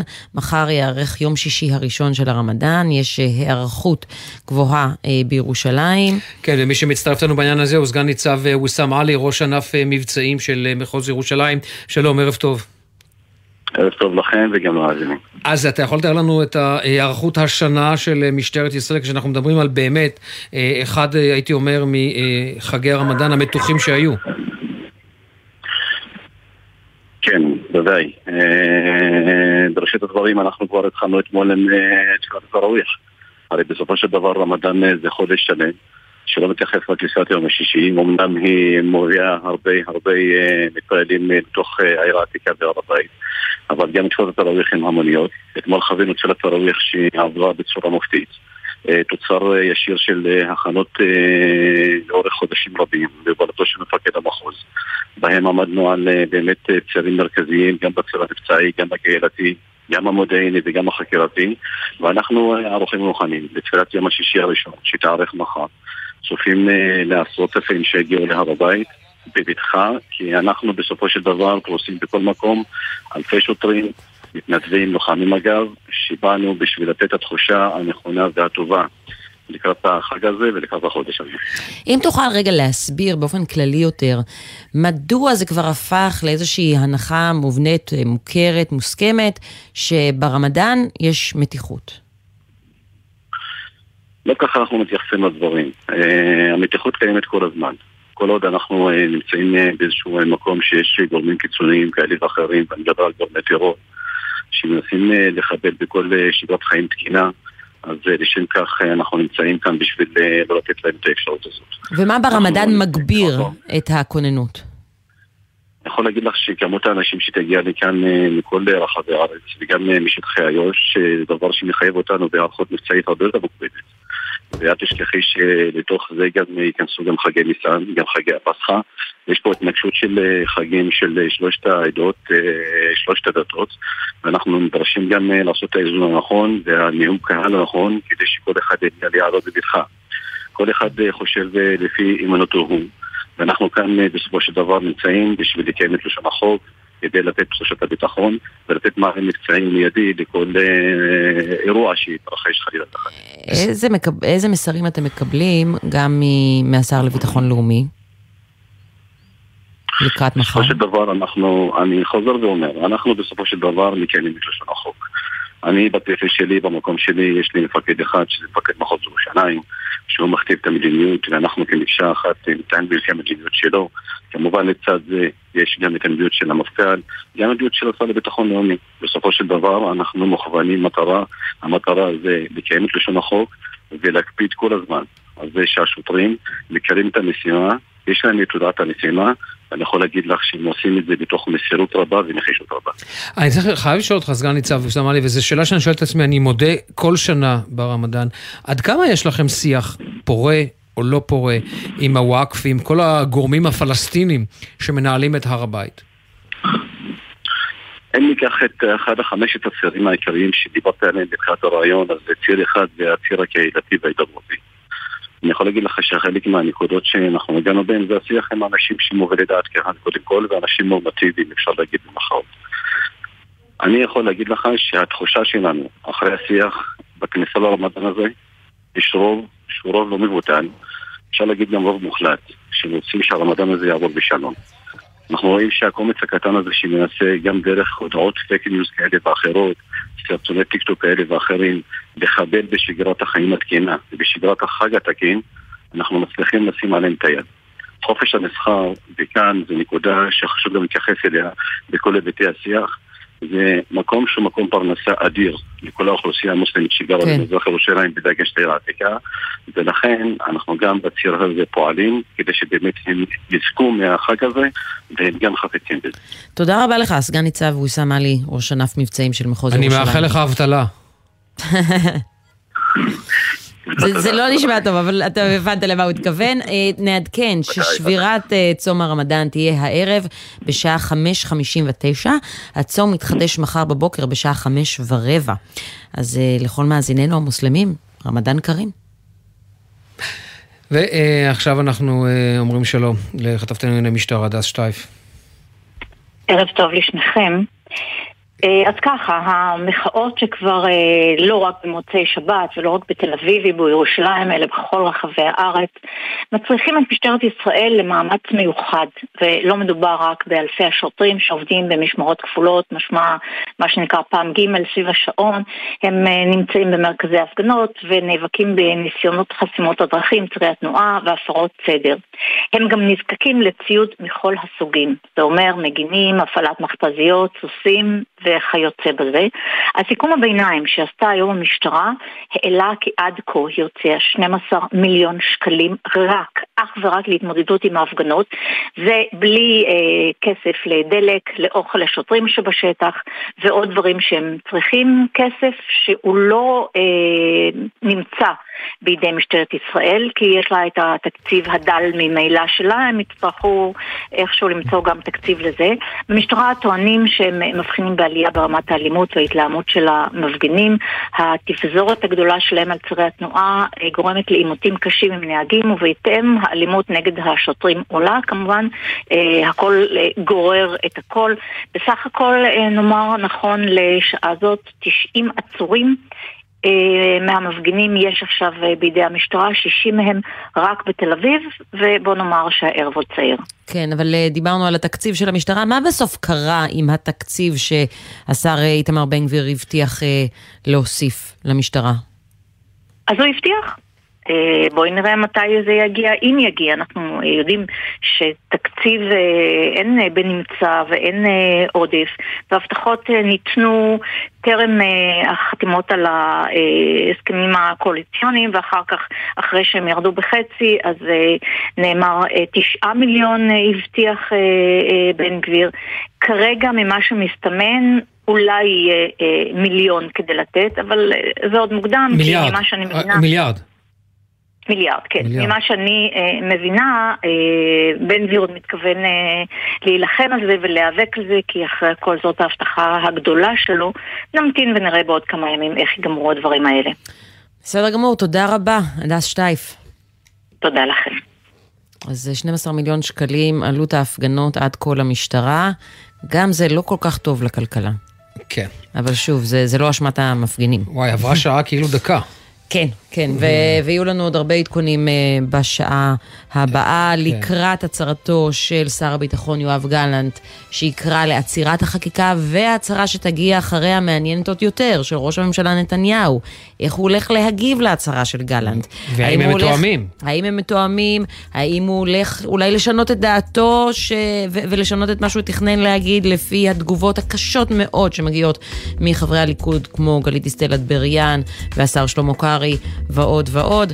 אנחנו נראה את כל ההתפתחויות האלה ונביא אותם בשעה הקרובה. כן, רק עוד דבר אחד, כל מאזיננו, אנחנו כאן כל הזמן בגל פתוח מלווים את ההצהרות אה, גם של אה, שר הביטחון בשבע וחצי, גם של ראש הממשלה אה, בשמונה, חן ואני איתכם. הפסקה קצרצרה לתשדירים, מהדורה, אנחנו כאן. כבר חוזרים.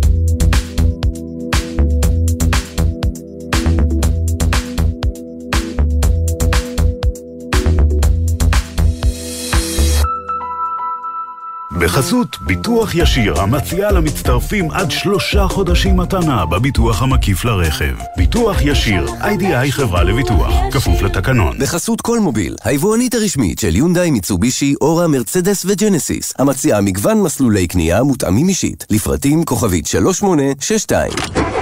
מה נשמע, נשמע, סוף השבוע,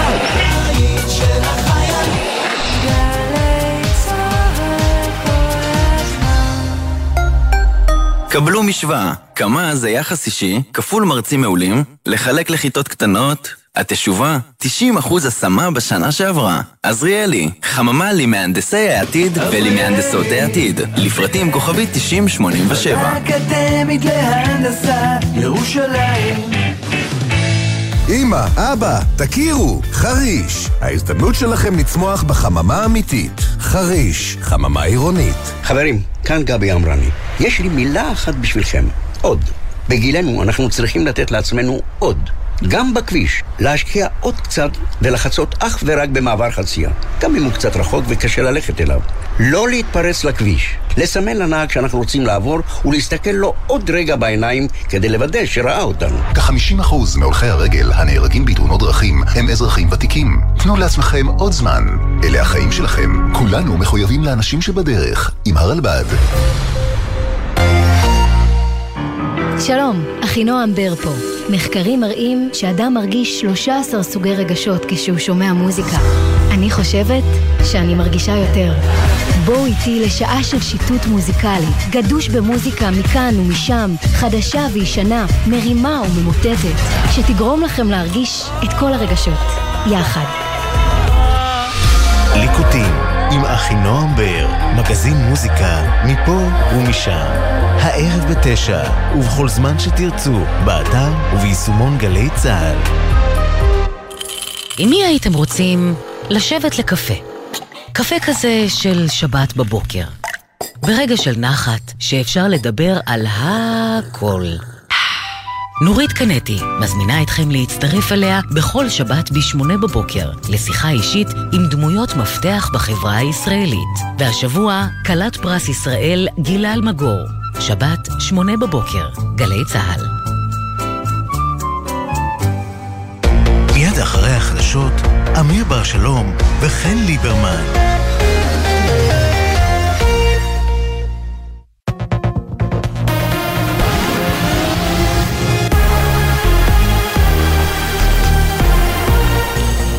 גלי צה"ל השעה 6, ערב טוב באולפן יונתן מודילבסקי עם מה שקורה עכשיו. לאחר שהזהיר בקשר להשפעות המשך החקיקה המשפטית, שר הביטחון יואב גלנט צפוי למסור הצהרה לתקשורת הערב בשעה שבע וחצי. ראש הממשלה בנימין נתניהו צפוי גם הוא למסור הצהרה בשעה שמונה, ואף דחה את טיסתו לביקור מדיני באנגליה לארבע לפנות בוקר. מדווח כתב התחום הפוליטי, שחר גליק. גלנט מתכנן לקרוא הערב לעצור את החקיקה בהמשך לקו שהוא מוביל בימים האחרונים. שרי הליכוד וחברי הכנסת בזה אחר זה תוקפים בינתיים את הכיוון של שר הביטחון, ועד כה איש מחברי הסיעה לא התייצב לצידו. בשעה שמונה בערב הצהרה של ראש הממשלה נתניהו, הוא יסביר לגבי כוונות הקואליציה להמשך, רגע לפני טיסתו ללונדון. במקביל, רעיית ראש הממשלה, שר נתניהו, פרסמה הודעה ובה קראה לפעול יחד למען הסכמה רחבה. חבר הכנסת מהליכוד, דני דנון, אומר אצל חן ליברמן ואמיר בר שלום בגלי צה"ל, טוב שנתניהו ידבר, הוא יכול להוציא אותנו מהאירוע הזה. ראש הממשלה חייב uh, להיכנס לאירוע, להפשיל שרוולים, uh, לדבר על הנושא, להוביל את האירוע הזה. זה לא אירוע משפטי, זה אירוע מדיני, כלכלי, חברתי. הוא צריך להיכנס לאירוע הזה, לדבר בקולו. הוא ראש הממשלה של מדינת ישראל, ולכן אני גם מאמין ביכולות שלו uh, להוביל ליציאה טובה מן האירוע. וחברת הכנסת מיש עתיד מירב כהן אמרה, גלנט מבין את ההשלכות, הלוואי ויצליח להגיע להפסקה. אני uh, באמת מקווה שנמצא אותו צדיק בסדום שיבוא ויגיד רגע, השתגענו, בואו נעצור את, ה, את התהליך המסוכן הזה. יש לו פרספקטיבה לאחד מהנזקים הכי הכי גדולים שקורים לנו, שלא בטוח שיהיו מהם, לא תהיה מהם דרך חזרה. של הרבה מאוד אנשי צבא שאומרים, אנחנו לא חייבים להמשיך, ואם uh, הוא הצליח להביא לכך שהדברים יעצרו, צריך להגיד לו תודה. וברקע הודעת נתניהו, הבורסה בתל אביב החלה לזנק לקראת סוף יום המסחר, וגם השקל מזנק במסחר הרציף. עם הפרטים כתבנו לענייני כלכלה, ישראל פישר. הירידות שנרשמו מוקדם יותר היום במסחר בתל אביב נמחקו והבורסה עברה לעליות. מדד תל אביב 125 עלה בשני אחוזים, מדד הבנקים עלה בשלושה אחוזים ושש עשיריות האחוז, מדד תל אביב 35 עלה באחוז ושמונה עשיריות. השקל מזנק מול הדולר באחוז ושש עשיריות ונסחר תמורת שלושה שקלים 55 אגורות. אגורות. המחאות נגד התוכנית המשפטית. המשטרה עצרה מהבוקר יותר מ-60 מפגינים במחוז תל אביב. מוקדם יותר נפתחו לתנועה נתיבי איילון בשני הכיוונים, אחרי יותר משעתיים בהם היו חסומים על ידי מאות מפגינים. ממוקד המחאה בתל אביב מדווחת כתבתנו יובל מילר. כל נתיבי איילון נפתחו לתנועה לאחר שהמשטרה פינתה בכוח את המפגינים שחסמו את הנתיבים. בעת הפינוי מאיילון צפון המשטרה אף השתמשה במכתזית. באיילון דרום הראה תקרית חריגה ואלימה בין נהג משאית ולבין מספר מפגינים. נהג המשאית יצא מרכבו לכיוון המפגינים והחלו עימותים אלימים בין הצדדים. אחת המפגינות חיססה את הנהג בגז פלפל ובתגובה הנהג השליך חפץ חד אל עבר המפגינים. לאחר מכן המשטרה פינתה בכוח את המפגינים מהאיילון וכל הנתיבים פתוחים כעת לתנועת רכבים. גבר כבן 60 נפצע אנוש מפגיעת רכב באשדוד. צוות מגן דוד אדום מבצע בו פעולות החייאה במקום. כתבנו בדרום רמי שני מוסר כי נסיבות המקרה נחקרות. ומזג האוויר למחר, הטמפרטורות תמשכנה לעלות והן תהיינה גבוהות מהרגיל לעונה. אלה החדשות שעורך יואב מאיסי.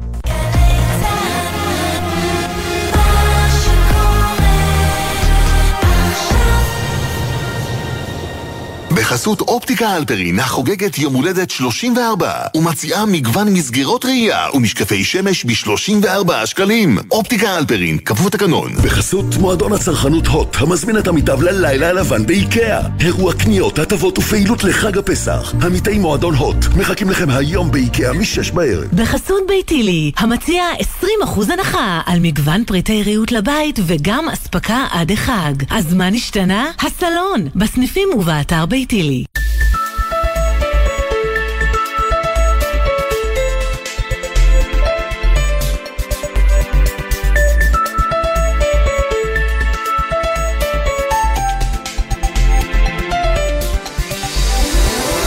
יומן סיכום השבוע עם אמיר בר שלום וחן ליברמן.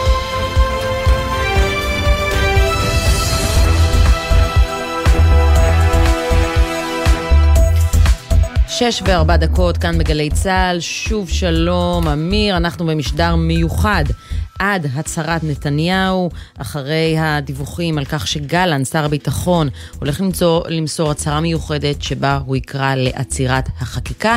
אבל לפני הכל אגיד שגם בערב דרמטי כזה, תה זה תה, ועדיין הכנת את התה המפורסם שלך, למי שזה מעניין אותו. לפחות יש לנו את זה. אפשר להמשיך. כן. זהו. זה, זה, זו הקרקע היציבה שאני צריכה כדי להמשיך. אז בואו נסכם רגע את מה שקרה כאן בשעה האחרונה. קיבלנו דיווחים על כך שגלנט הולך לצאת עם ההצהרה שלו, שבה הוא קרא לעצירת החקיקה. מיד אחר כך, אנחנו מקבלים דיווח על כך שנתניהו ימסור הצהרה מיוחדת בשמונה בערב. ואז מנסים להבין, אוקיי, אנחנו יודעים שגלנט יקרא לעצירת החקיקה, מה יגיד נתניהו? אה, ובשביל להבין את זה, אה, ישר אחרי ההצהרה שנתניהו מוסר הצהרה, מגיע, מגיעה הודעה מיוחדת מרעייתו של נתניהו, שרה נתניהו, שבשורה התחתונה שלה קוראת גם היא להסכמה רחבה.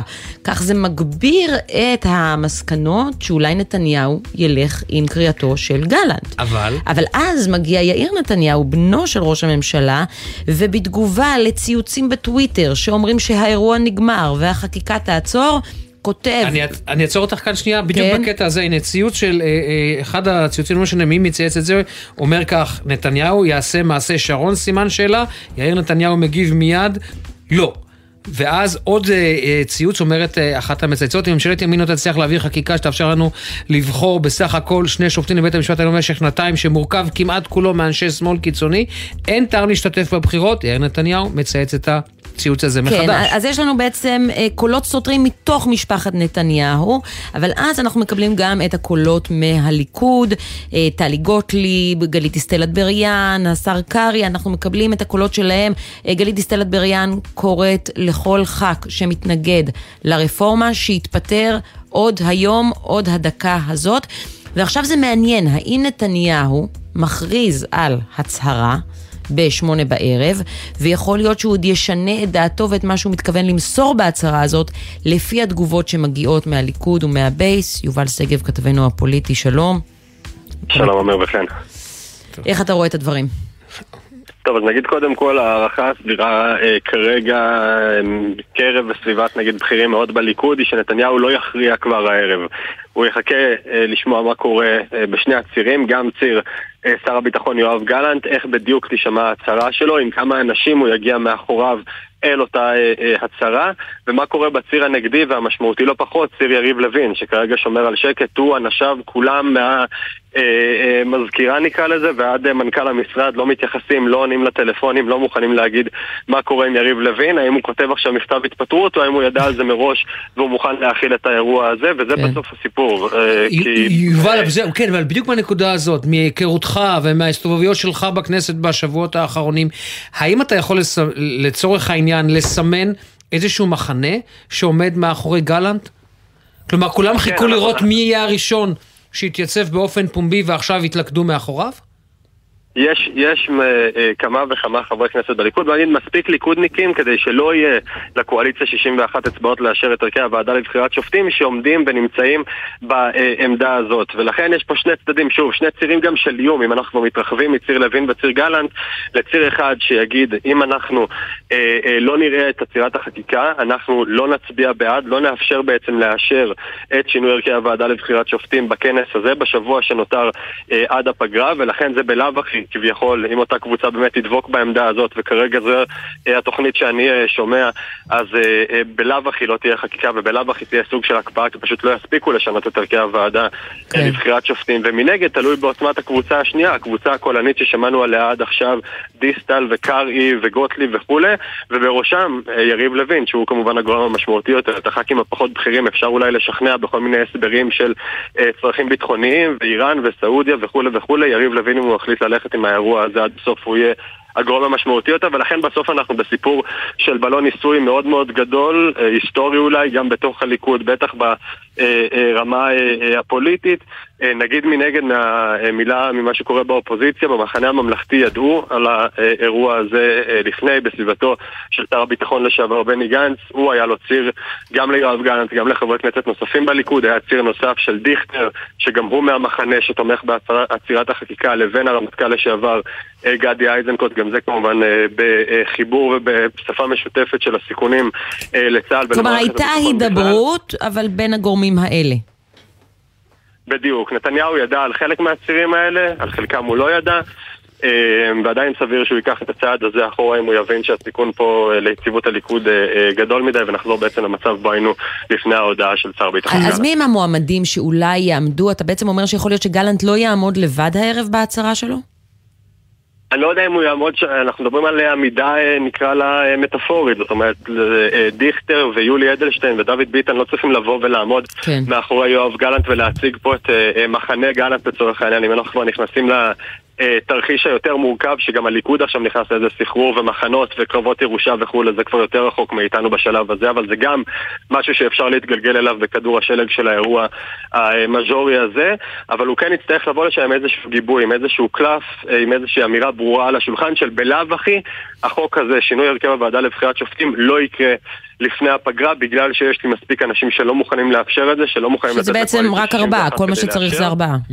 נכון מאוד, כל מה שצריך זה ארבעה, יואב גלנט ועוד שלושה, יש לנו מספיק שמות שקראו לעצירת חקיקה בשבועות האחרונים שיכולים להשלים לו את אה, אותה... אה, בוא, בוא, בוא נגיד את זה, בוא, בוא, בוא, רגע, יש לנו מאזינים, לא, יש לנו מאזינים, בוא נגיד את זה. מי יכול, מי הם הפוטנציאלים? אנחנו מדברים על, לצורך העניין, ניר ברקת אתמול אמר שרמז קצת, אבל יש לנו את הבטוחים שזה אדלשטיין. דיכטר, ביטן. דיכטר, ביטן. דיכטר, ביטן, אלה, שוב, זה, זה כבר מגיע לנו לארבעה שמספיקים לצורך העניין. היה את אלי דלל שקרא כבר לעצור את החקיקה מהמקומות הנמוכים יותר ברשימה. ניר ברקת יכול גם למצוא את עצמו בתוך האירוע הזה, אלא אם הוא ינסה שוב לבדל את עצמו מקרב הבכירים בהתבטאויות אחרות. הוא דיבר, התייחס אתמול לסיפור של בג"ץ, איך מתייחסים לבג"ץ, לא לסיפור של עצירת חקיקה או לא, אבל גם לי עמדה הרבה יותר מתונה מהמיינסטרים נקרא לו, מהציר הזה באמת של יריב לוין. וזה בעצם מה שצריכים להסתכל עליו, צריכים להשאיר פה עוד איזשהו תרחיש אחד שהוא יכול להיות שנתניהו ילך דווקא עליו, של הצעה נוספת להצבעה בסיעת הליכוד בהרכב מלא.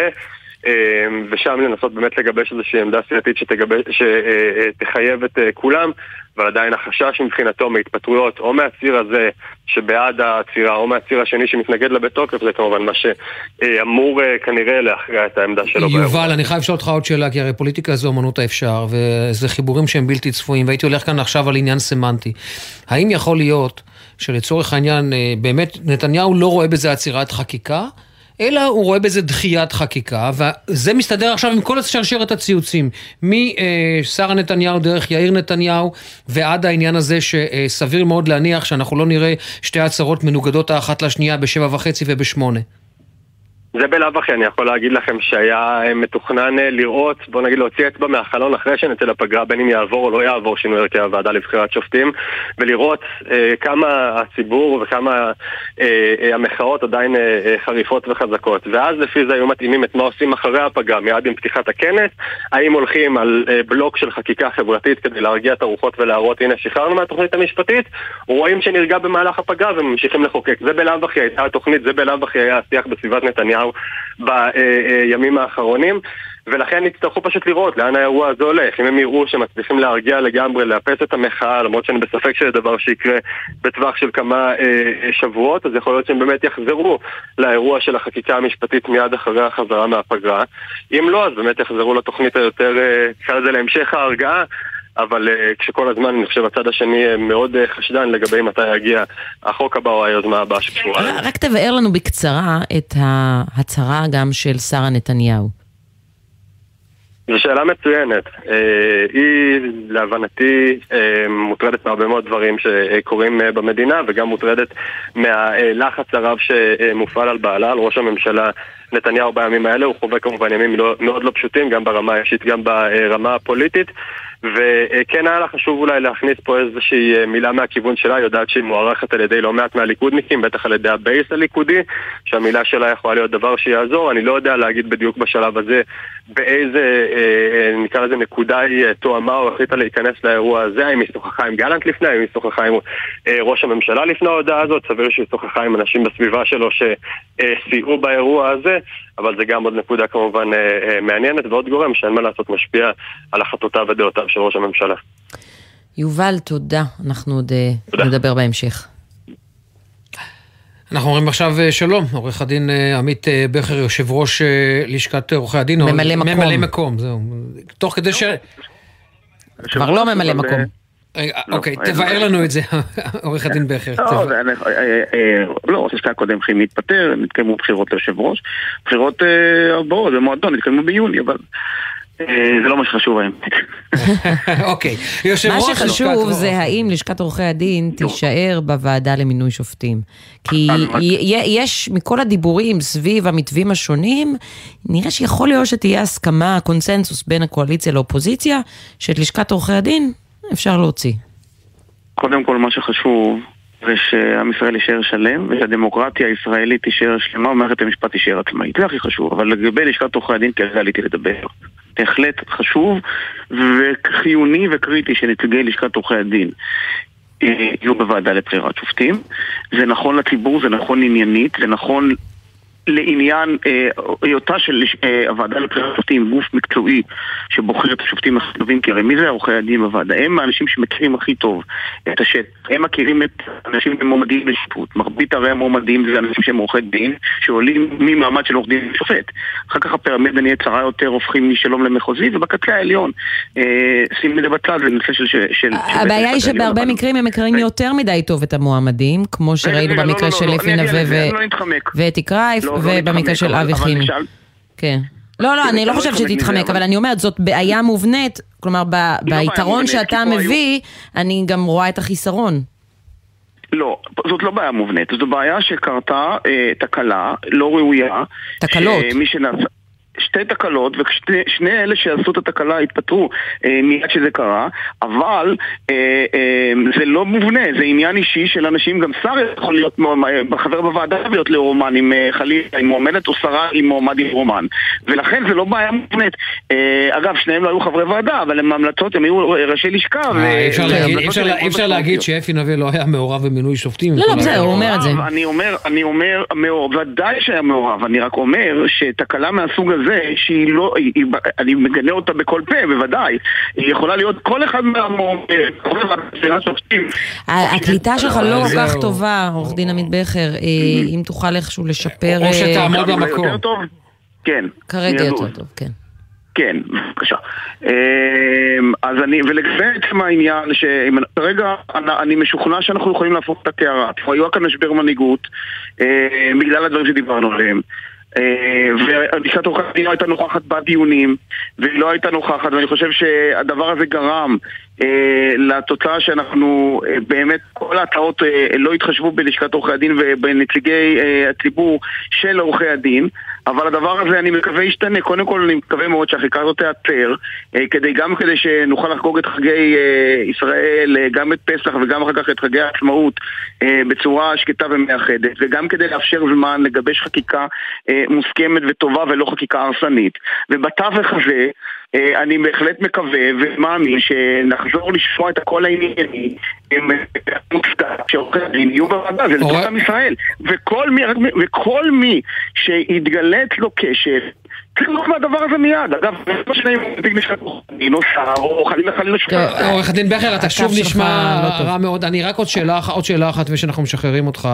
אה, כן. במהלך כל השבועות האחרונים, במאבק שלכם, אה, עד כמה שאפשר להשפיע על אה, הצעת החוק לשינוי הוועדה להרכב שופטים, היה לך קשר כזה או אחר עם אנשי ליכוד?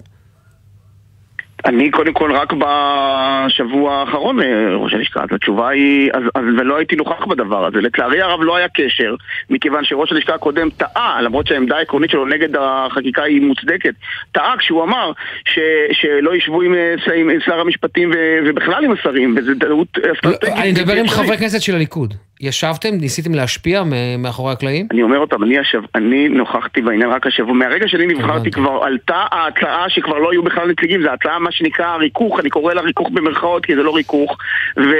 ואתה מדבר איתי על השבוע האח- האחרון. אה, היו לי שיחות אקראיות, אבל לא, לא מוסדרות, אבל אה, אה, איתם. אני בהחלט בהחלט מקווה, אני לא מחרים אף אחד.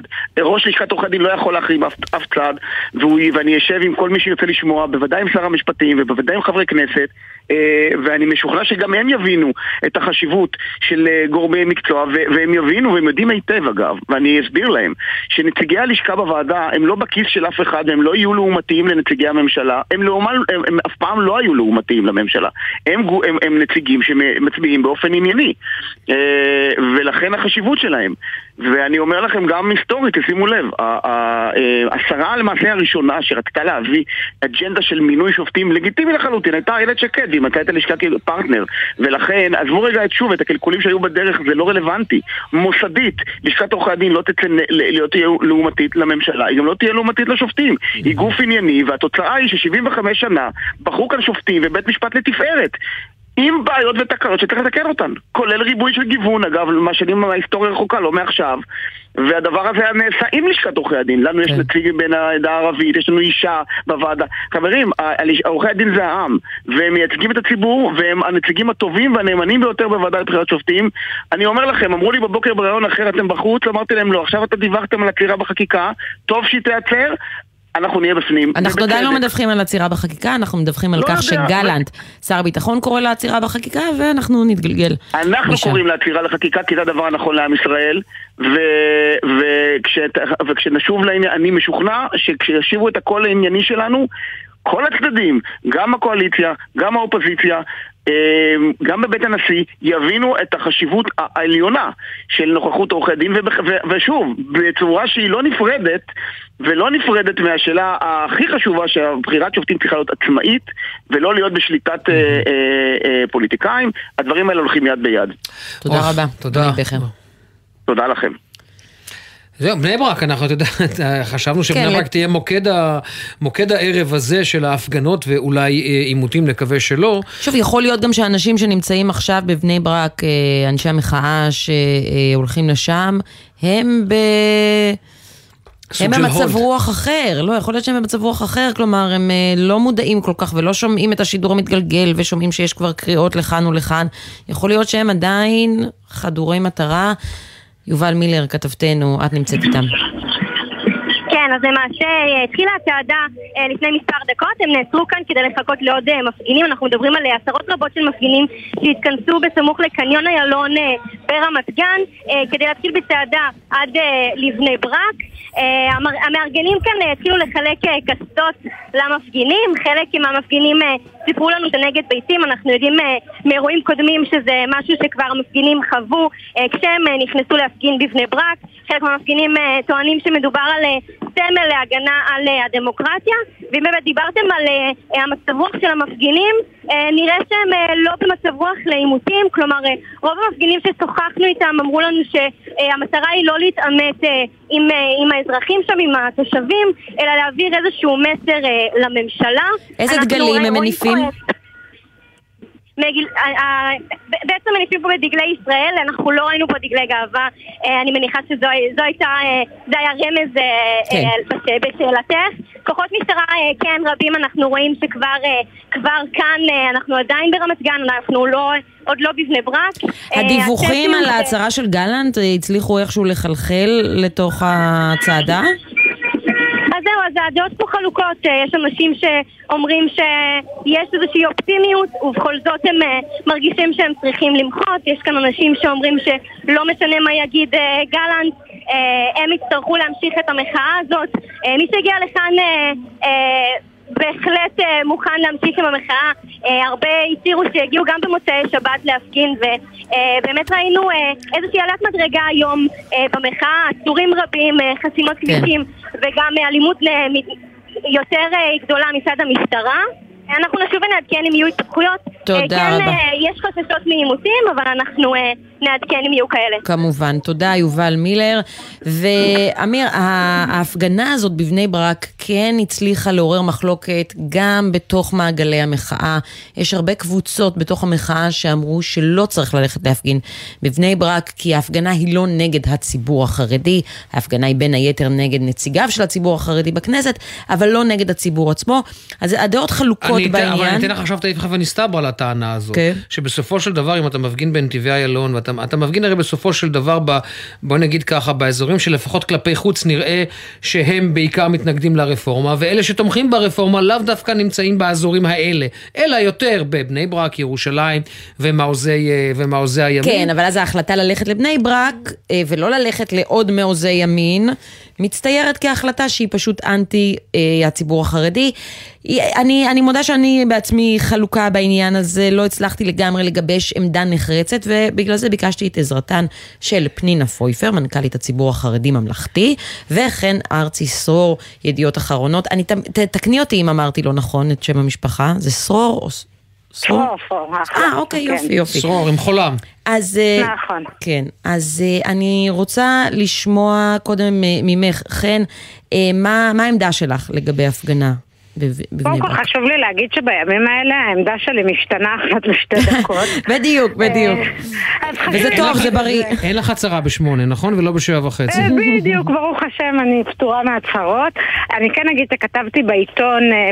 אתמול אה, נגד ההפגנה בבני ברק, באמת מתוך מחשבה שזה לא נכון להפגין נגד ציבור, אלא צריך להפגין נגד אה, המנהיגים, ובנתיבי איילון נוסעים כולם, גם חרדים נוסעים בנתיבי איילון. אבל להגיע לבני ברק זה סמל, וזה סמל שבעיקר מייצר אנטגוניזם ולא קשב. מאז הספיקו לדבר איתי לא מעט מפגינים ולשכנע אותי אחרת, ואז דיברו איתי גם אנשים אחרים. בקיצור, כמו שאמרתי לכם, אני במקום די דינמי, אבל אני חושבת שהדינמיות הזאת היא מבורכת. כלומר, היכולת שלנו להיות באיזשהו קשב או בלב פתוח אה, לקבוצות שונות זה הדבר אולי שהכי הכי חסר לנו עכשיו. וזה נראה לי חלק מהעניין. אני לא חושבת שהפגנה בבני ברק מייצרת קשב. אני לא חושבת שהתושבים שם ישתכנעו ממהלך כזה. אני חושבת שזה מעמיק יותר את האנטגוניזם, ו- וזה גם כאילו בואו, מול מי אתם מפגינים? מול ציבור שרובו ככולו, ואנשים שהפוליטיקה לא מאוד מעניינת אותם. נכון, הם מצביעים באופן שבטי, אבל מי לא מצביע באופן שבטי? מדובר באנשים אה, שהם בין היתר מהקבוצות המוחלשות ביותר בחברה הישראלית. די זה לא מבחירה, נכון. די צריך מבחירה. לעבוד איתם ולא עליהם. אני לא יודעת מה זה בחירה, אני לא יודעת אם ילד אה, מה זה שנולד... ההיתממות הם הזאת? נולדים לתוך... מה זה ההיתממות הזאת? את לא יודעת אם זה מה- מבחירה. לא, זה לא היתממות, אמיר. כשאתה נולד לתוך קהילה מסוימת, אז לתוך הקהילה נולדת. מדינת ישראל זה זה אחת המדינות היחידות בעולם שמוביליות חברתית היא לא עניין כל כך קשה. אנחנו לא צפון קוריאה ובטח לא הקאסטות nastočil hodu. מה קשור? זה נכון, ועדיין אלה קהילות שהתרבות שלהם היא תרבות סגורה. חשוב להם לשמר ערכים מסוימים שהחברה הישראלית הכללית, גם החילונית וגם הדתית, מנוגדת אליהם. עכשיו אפשר להגיד, אתם לא בוחרים, אתם אשמים, אנחנו עכשיו נצא נגדכם. ואפשר לעבוד יחד עם החברה החרדית, יד ביד, בדיוק אז- מה שפנינה, דרך אגב, אז בואו בשליחות שלה. בואי נצרף את פנינה לשיחה. יכול להיות שאולי אה, תוצאה של הפגנה כזאת בבני ברק יכולה דווקא להביא להידברות עם הציבור החרדי. כלומר שבמקום שהמפגינים יגיעו ויהיו ריבים ויזרקו ביצים, יכול להיות שגם ידברו אחד עם השני. פנינה. קודם כל, אני ממש אשמח שזאת תהיה התוצאה, אבל uh, העניין בהפגנות הוא, הוא קודם כל למחות, הוא לא לייצר הידברות. יש, כן, אה, זה לא מעגלי שיח. כן, זה משהו אחר. מחאה זה משהו אחר, והיא באמת צריכה להיות מופנית נגד אה, האנשים שמובילים את החקיקה, כלומר נגד הנציגים. ויש קולות בתוך המחאה שמבינים את זה, ש, שזה פנינה, המסרים פנינה, אנחנו הלאומיים. עוצרים אותך לרגע כדי להצטרף אה, להצהרה של מפקד מחוז תל אביב, עמי אשת, שנמצא עכשיו בבני ברק. בואו נשמע את הדברים. יעשה את זה בבטחה, לא יחרוג ימין או שמאל, ויגיע בחזרה לנקודת הכינוס. ומאידך, אנחנו מצפים גם מהציבור וגם מהתושבים המון סבלנות, המון אורך רוח. יש שיח מצוין עם הציבור, בסך הכל אנחנו בנינו היערכות כזו שתיתן מענה על פי שכבות, ותוכל בסופו של דבר להוביל את האירוע הזה לסיומו. וה- ועכשיו זה עמי יש. פה כן. שניים, שלושה מאמצים מרכזיים, הייתי אומר. המאמץ הראשון הוא קודם כל צריך לזכור שזה אירוע רב משתתפים, ואנחנו צריכים לדאוג לכך שכל מי שהגיע לכאן מבחינה פח"עית לא ייפגע. 15 אלף איש זה הרבה מאוד אנשים, אנחנו צריכים להגן על האירוע מסביב ולדאוג שהוא סגור היטב מבחינה פח"עית. הדבר השני הוא באמת לייצר בסופו של דבר סיטואציה שבה מי שמגיע לאירוע הזה יוצא מכאן בדיוק כמו שהוא הגיע. שקט ושלב, על פי המדיניות שלנו, שהיא לא משתנה במחוז. היא אותה מדיניות בדיוק לשני הצדדים, גם לאלה שבאים להפגין וגם לאלה שגרים במקום. אנחנו צריכים להתייחס אליהם באותה דרך בדיוק. להכיל אותם, לנסות לייצר כמה שפחות סיטואציות של אלימות או סיטואציות של מגע לא טוב בין המפגינים השונים, ולהרגיע, להרגיע, להרגיע. דבר האחרון הוא באמת, בסופו של דבר, לייצר אירוע שהוא אירוע עד כמה שיותר נשלט מהרגע התחילה שלו ועד הסוף שלו. אני מאמין בסופו של דבר שאנחנו ערוכים היטב פה, מסוגלים לטפל באירוע הזה בצורה טובה, כפי שעשינו את כל האירועים במשך היום הזה. תקפידו על המדיניות, תקפידו על תודעת המשימה, תרגיעו את השטח, לא מדובר פה במלחמה, אנחנו נמצאים באירוע דמוקרטי. נוושד, היום קצת הייתם, אה, אה, שאלה אם אפשר? אוקיי, אנחנו חוזרים אלייך, פנינה, ואלייך אה, חן. פנינה, אז הת- התחלת להסביר מה היית רוצה שיקרה בבני ברק, אבל מה, את חושבת בכלל על ההחלטה ללכת להפגין שם? שמענו עכשיו ממפקד מחוז תל אביב, מדובר ב-15 אלף מפגינים שמגיעים עכשיו לעיר. כן, אז באופן עקרוני, המחשבה שבני ברק היא אקס טריטוריה, אה, זה משהו שאני לא מסכימה איתו. זאת אומרת, אפשר להגיד, צודק אבל לא חכם, וזו עמדה שאפשר להחזיק בה, ו, וכמו שחן אמרה, גם אני מאוד דינמית בימים האלה, ויש אה, רגעים שאני אומרת, אולי זה לא שווה את זה, אבל בסופו של דבר יש שם נציגים פוליטיים של הציבור החרדי, זה לא מאה שערים, זה לא אה, מקום ש, שאין בו נציגים, יש בו נציגים, אה, גפני לצורך הדוגמה אה, גר שם. אבל הם לא ו- מפגינים, אבל, אבל היו הפגנות מחוץ לבית של גפני, זה סיפור אחד. אבל כאן זה הפגנה לא לא, מחוץ אז- לבית של אחד מהם, אלא הפגנה בבני ברק. נכון. אה, זה, זה קצת בעייתי. אני חייבת להגיד ש, שהרעיון להפגין נגד ציבור הוא רעיון בעייתי. הרעיון שאי אפשר להיכנס לעיר מסוימת זה בעייתי באותה מידה. עכשיו, אה, אני חושבת ש, שזה עניין טכני שלא מפגינים ליד הבית שלו, כי אה, המשטרה רצתה שזה יהיה קצת יותר אה, מרוחק, יותר בקצה של העיר. והם לא רצו אה, ש-15,000 מפגינים ייכנסו למעמקי בני ברק. כלומר, את אומרת, התוכנית הייתה בעצם להפגין נגד גפני, ובגלל, ובגלל שאי אפשר, אז הולכים למקום שהוא יותר ניטרלי בעיר. תראי, זה, זה מחאות, זה כל מיני אנשים עם כל מיני רעיונות. יש אנשים שאני חושבת שהם כן רוצים להפגין נגד הציבור, וזה דבר בעייתי. אני הרגע ראיתי אה, מישהו שהעלה ציוץ עם אה, מפגין ש, שכתוב לו על השלט, אה, תפיל חרדי לא על חשבוני. זה לא דבר שמקדם אותנו לאנשהו. נכון. אבל, אבל אני כן חושבת ש, ששוב פעם, שבני ברק היא חלק ממדינת ישראל. ושלמרות שהציבור שם, אפשר להגיד ציבור מוחלש, ציבור כזה, ציבור אחר, אה, הכל טוב ויפה, אבל יש אפקטיביות מסוימת להגיע לעיר שבה חיים הנציגים של הציבור החרדי ולהגיד להם, אתם חלק מההובלה, אתם לא עליתם עכשיו על עגלה ואתם יושבים במושב האחורי. להכניס אותם לשיח ולהתחיל להסתכל להם בעיניים. במשפט לא, אחד כן, חן, כי אנחנו צריכים לסיים. יש לנו עוד עדכונים פוליטיים. אני רק אגיד שאם אנחנו לא רוצים לראות מופעים של אה, טפילים חרדים או של זריקת כסף על מפגינים מתוך תפיסה כמעט אנטישמית שהם יקפצו על השטרות ולצלם את זה ואם אנחנו, אם אנחנו באמת מבינים שבסופו של יום כולם נשארים פה ואף אחד לא הולך להתאדות אז הפגנות צריכות להיות מול הבית של גפני ומול הבית של דרעי ומבחינתי שילכו לכל מקום שהם הולכים זה נכון, זה נכון אבל להגיע לבני ברק כסמל זה, זה באמת לא חכם, זה לא לא מוסרי, זה לא לא צודק, זה פשוט טיפשי, זה קצת מטומטם. אוקיי. פנינה פויפר ומנכ"לית הציבור החרדי ממלכתי וכן ארצי סרור, ידיעות אחרונות, תודה רבה לשתיכן.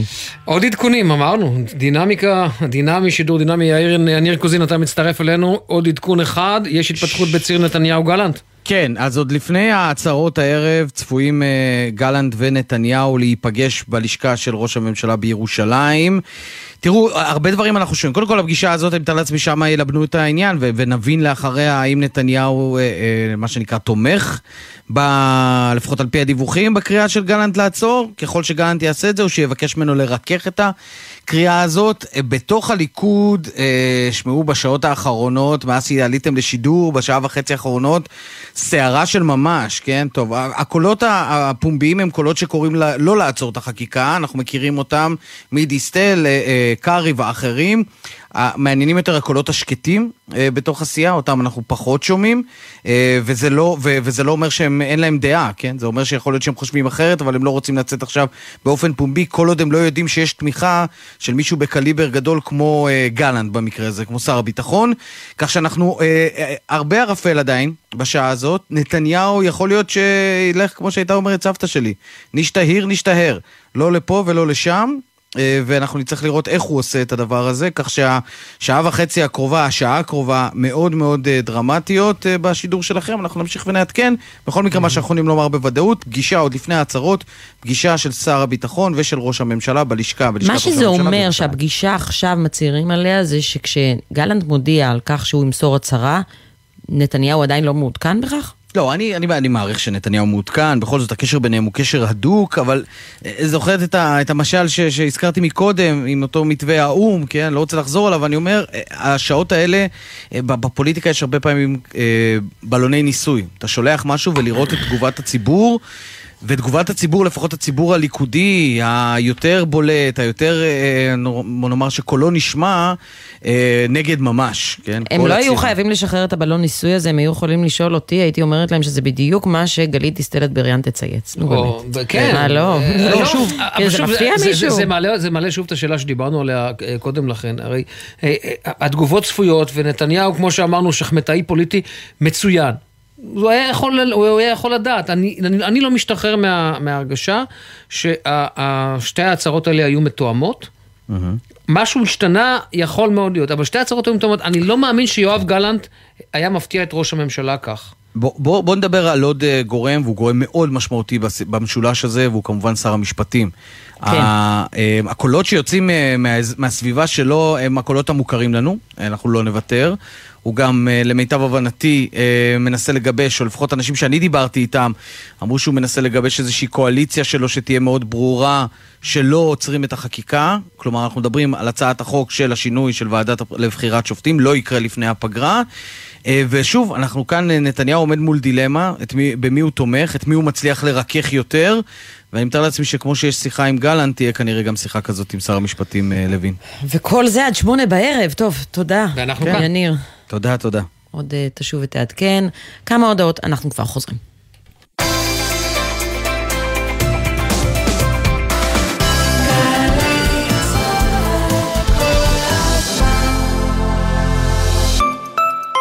תגידו, כדאי להיות מורה? מי מתאים להיות מורה? מה הקשר בין ספורט לחינוך? למה לבחור בלווינסקי וינגייט? בואו נפתח הכל. יום פתוח באמת, במרכז האקדמי לוינסקי וינגייט. 28 במרס בשעה 4 בקמפוס לוינסקי ובקמפוס וינגייט. לפרטים כוכבית 5009 מענק הצטרפות, השתתפות בשכר הלימוד, תנאים מעולים, משמרות גמישות... יש לכם את זה! הצטרפו לנבחרת רשות שדות התעופה. לפרטים, חפשו דרושים רשות שדות התעופה, בהתאם לתנאי התוכנית. פסטיבל האוכל הכפרי במטה יהודה חוזר עם חגיגת מאכלי עמים ועדות, מפגשים עם בשלניות ובשלנים המארחים בביתם מכל הלב, שלל מטעמים, סיורים מודרכים בין אסירים ואירועים מיוחדים. פסטיבל האוכל הכפרי במטה יהודה, תשעה במרס עד אחד באפריל. חפשו את הלב הירוק, תיירות מטה יהודה. שלום, מדבר יוחאי כביכול. התעניינת בהלוואה באתר המטעה שלנו, אז קימבנתי לך הלוואה שנשמעת מדהימה. אבל היא בעצם בתנאים גרועים. תרצה ליפול בפח ושנחייב אותך בדמי תיווך מופקעים? אילו הנוכלים היו נשמעים ככה, הייתם מנתקים. אבל הנוכלים חכמים יותר. תהיו גם אתם. מציעים לכם שירות ייעוץ הלוואות, איתור כספים אבודים, בדיקת זכויות רפואיות. אל תיתנו פרטים. תבדקו היטב מי מולכם. תתייעצו עם עוד מישהו. ואם נפגעתם, תתלוננו בפנינו. הרשות להגנת הצרכן ולסחר הוגן. קבלו משוואה. כמה זה יחס אישי, כפול מרצים מעולים, לחלק לכיתות קטנות, התשובה? 90% השמה בשנה שעברה. עזריאלי, חממה למהנדסי העתיד ולמהנדסות העתיד. לפרטים כוכבית 9087. האקדמית להנדסה, ירושלים. הזמרת אילנית, הנציגה הראשונה של ישראל לאירוויזיון, במופע חגיגי לציון 50 שנה לאי שם. מתרפקים על הזיכרונות בקונצרט עם מיטב הלהיטים במסגרת פסטיבל בשחור לבן בליווי התזמורת הסימפונית ירושלים. מנצח רוני וייס, הערב בשבע וחצי, תיאטרון ירושלים, ובקרוב בגלי צה"ל. עכשיו בגלי צה"ל, אמיר בר שלום וחן ליברמן. חזרנו ואנחנו אומרים ערב טוב לחבר הכנסת עמית הלוי מהליכוד. ערב טוב חן. ואני כאן עם אה, אמיר בר שלום, תנסה לעזור לנו להבין לאן- לאן הולך הערב הזה. תראי, אני מקווה שהדברים הפשוטים אה, יישארו על כנם, כלומר, בליכוד יש אה, משמעת סיעתית, ורוב הסיעה הכריע מה שהכריע, אני לא חושב, אה, מקווה כמובן, שהשר גלנט לא יחרוג מהכלל הדמוקרטי הזה הפנים-סיעתי, אני לא חושב שזה יקרה, וזה ברור לכולם שכולם מחויבים. אז מה אתה חושב שיקרה? הרי הוא מוסר הצהרה, וההצהרה מדברת על עצירת החקיקה, ויש כבר ח"כים בליכוד שכבר קוראים לו להתפטר, אז זה, הולך לשם. כלומר, גלנט לא הולך למסור הצהרה שבה הוא יגיד לנו ערב טוב ושבת שלום. תראי, כל אחד יש בה דעות, אז לכן אמרתי, בליכוד יש דעות מגוונות, אין ספק שהמצב מחייב התייחסות, מחייב, אה, הוא מורכב, אה, ובכל זאת יש דברים שהם לא מורכבים, כמו אה, הכרעת הרוב של הציבור בישראל וכמו הכרעת הרוב של הסיעה. לכן אני יוצא מנקודת הנחה שהשר הביטחון יביע את דעתו וזה בסדר גמור.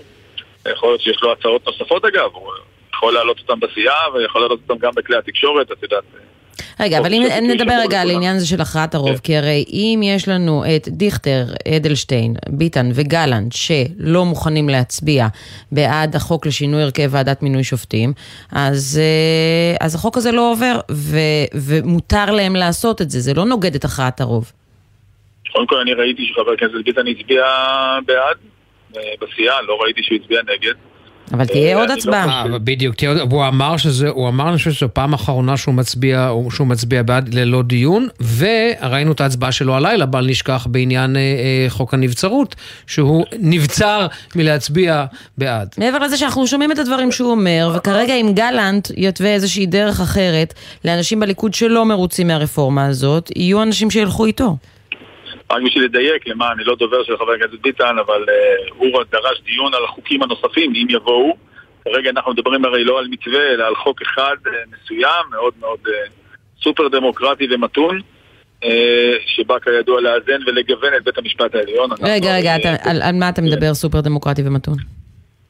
אני מדבר על החוק שבו הציבור יהיה שותף לבחירת השופטים, ולא אדם אחד יחליט שלמשפחה הזאת אה, נכנסים רק שופטים מסוימים. הרי בנושא הזה את לא צריכה לראיין אותי, את צריכה לראיין את ציפי לבני, רגע, שהתחננה בזמנו. רגע, רגע, אבל בוא- בוא, בואו נדבר עובדות. בואו בואו נדבר עובדות. בואו נדבר עובדות. אה, אני שוב אזכיר אה, מישהי שקוראים לה איילת שקד, שרת המשפטים, הצליחה למנות כן. שני שופטים אה, שמרנים, אה, גם בהרכב. למה? תזכירי לציבור למה. בגלל קואליציה עם לשכת עורכי הדין. לא, לא, לא, לא, לא, בגלל קומבינציה מאוד מסוימת, שהיה בראש לשכת עורכי הדין, אמר, עמד אדם שאמר אה, על גופתי שי ניצן לא יהיה בבית המשפט העליון, אז הייתה איזשהו, איזשהו שיתוף אינטרסים מאוד נקודתי, הרי באופן מסורתי את יודעת היטב לכן שזה לא היה המצב, ותמיד רוב הציבור, אבל הנה, בדיוק הוכחת שזה לא איזה קליקה או חונטה סגורה, כי עובדה שאותו אפי נווה מלשכת עורכי הדין לא רצה את שי ניצן, אז הנה החונטה התפרקה לה נורא מהר. הייתה ניצול הזדמנות מאוד מאוד חריגה, כמו שאת יודעת, אם תראייני את ציפי לבני, את יצחק לוי, את חיים רמון, את צחי הנגי, את כל מי שהיה פה שר המשפטים, הם יסבירו לך בדיוק איך הדברים עבדו, ועובדים לאורך כל השנים, ולכן אני אומר שוב... אה, ציפי לבני, אני רואה אותה מדברת בהפגנות נגד התוכנית, אז אני לא חושבת שממנה תגיע תמיכה למה שאתה אומר. להסביר לה את תחנוניה לפרופסור ברק, בתחנוניה להכניס לא את איתמר בן גביר לבית המשפט העליון, להכניס את פרופסור רות גביזון, מקימת האגודה אבל, לזכויות אבל גם אם האזרח. אנחנו נסכים שצריך אולי איזשהו שינוי ורפורמה, כן. אני עדיין לא חושבת שצריך רוב, והרבה אנשים אחרים לא חושבים שצריך רוב לקואליציה בבחירת שני שופטים, כשאנחנו יודעים שחיי קואליציה בישראל הם מאוד מאוד קצרים, וכך יצא שהקואליציה תמנה שני שופטים וגם נשיא, ואז בעצם יהיה לה רוב בוועדה. ושוב אנחנו נגיע למצב, ו- ובגלל שכבר התוכנית הגדולה נחשפה, אז ברור לכולם שהשינוי של הרכב ועדה למינוי שופטים נועד לשנות את הרכב בית המשפט העליון, כדי שכשתביאו את שאר החוקים שכבר חשפתם, אז בית המשפט העליון לא יפסול אותם.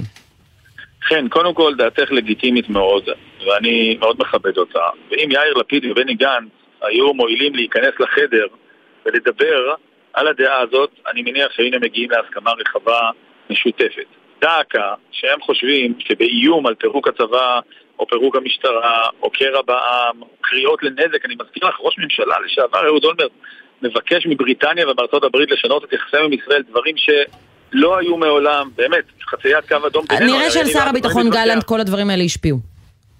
אז, אה, אז אני חושב שדברים כאלו אסור שישפיעו בחברה חופשית. את יודעת, את מדברת על דמוקרטיה, את יודעת, פעם קראו לזה חברות חופשיות וחברות טוטליטריות. אם בחברה חופשית, מה הקבוצה, לא משנה, תהא אשר תהא, נאורה, חזקה בעיני עצמה, שריונרים או טייסים, ואומרת, אנחנו נכפה עליכם בכוח. חבר הכנסת הלוי, זה דבר אם, שהוא אם, חמור מאוד ולא טוב שיקרה. אם, ג- אם, אם השר גלנט יוצא היום נגד, אה, אה, נגד הקו הליכודי, הוא גמר את דרכו בליכוד? אני אומר שוב, יש לנו משמעת סיעתית, אנחנו מאוד מכבדים כל אחד שנבחר. אני לא, אני אשאל אותך. אחרת. אני אומר רגע, מאוד פשוט. אם אם הוא אומר בצורה חד משמעית לעצור את החקיקה בניגוד להחלטה הסיעתית, הוא צריך- הוא גמר את דרכו בליכוד? דעתו, אז אני עונה לך. לומר את דעתו זה בסדר, הליכוד היא חברה חופשית, מדינה, מפלגה אבל חופשית אם הוא יצביע והכל. נגד או לא אבל יצביע רגע, בעד. אבל אם הוא יצביע בניגוד למשמעת הסיעתית, אני חושב שזה ברור לו שהוא מפרק את המשמעת הסיעתית, הרי מחר בבוקר יבוא אה, חבר כנסת אחר, יאמר אני בעד אה, קיזוז כספי הטרור. ואם הוא לא יהיה במליאה? אם הוא פשוט לא יהיה במליאה. תשמעי, אנחנו, התרבות הזאת של אה, ליל החניונים זה שייך למפלגות אחרות, לא לנו. אנחנו אז בגלל זה אני שואלת, אם- וכאשר. השר גלנט הוא אדם רציני, אם יש לו דעה בעד או נגד, הוא יאמר אותה. ואני רק אומר, אם דעתו אחרת זה בסדר גמור לדון בסיעה.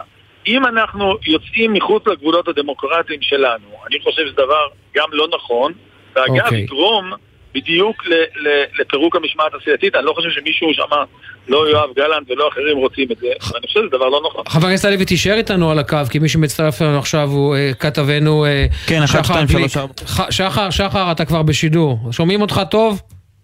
שחר, עדכונים שלך. שחר איתנו? שחר? שמענו אותו לרגע. שמענו אותו לרגע והנה הוא נעלם. טוב, אה, שחר, תחזור אלינו ברגע שאתה שומע. כן, תראו, אז קודם כל הודעה מסיעת עוצמה יהודית שיוצאת ממש עכשיו. אוקיי, שחר כל הזמן נעלם כן, לנו, אז נשאר איתך תעבירו אותו חבר הכנסת... לטלפון, אה, בבקשה, שנוכל לשמוע, חבר כי יש לו הכנסת עדכונים עמית חשובים. הלוי. חבר הכנסת עמית הלוי, נשאל אותך דבר כזה. אה, נעזוב רגע, נשים בצד את גלנט. מה אם ראש הממשלה נתניהו ימסור הערב שהוא גם קורא להקפאה כלשהי של החקיקה? תשמעי, אה, ראש ממשלה, אה, יש לו את המבט שלו כמובן, ויש לו מבט רחב יותר מכולנו על אה, כל השיקולים ומכלול השיקולים, אבל דווקא הוא הביע דעתו בסיעה פעם אחר פעם, והציג דוגמאות לא פעם אחת ולא פעמיים. בסדר, ולפני לא כמה אחרות. שנים הוא אמר שאסור לגעת בבית משפט. בסדר, הוא, הוא יכול לשנות את דעתו הרבה פעמים ולעשות אולי עוד פליק פלקים ב- בשעה הקרובה. אז אני שואלת אותך, אם הוא בא ואומר, צריך אני לעצור. לא חושב שזה, אני לא חושב שזה יקרה לפני דיון בסיעה, כיוון שאנחנו קיימנו את זה יותר מפעם אחת. אני לא מעריך שהדברים האלו רלוונטיים. אה, הוא אמר את דעתו יותר מפעם אחת. אגב, להגיע למצב, אני זוכר את בני גנץ שאמר אצלכם ובמקומות אחרים שהוא מבקש להידבר, ולקח שני, שתיים וחצי דקות, את יודעת, לבנימין נתניהו להגיב לו בתקשורת, לומר לו דלתי פתוחה, תבוא לדבר. הרי בינינו, כפי שאת יודעת, אם היו מדברים, יכול להיות שגם לוח הזמנים היה משתנה.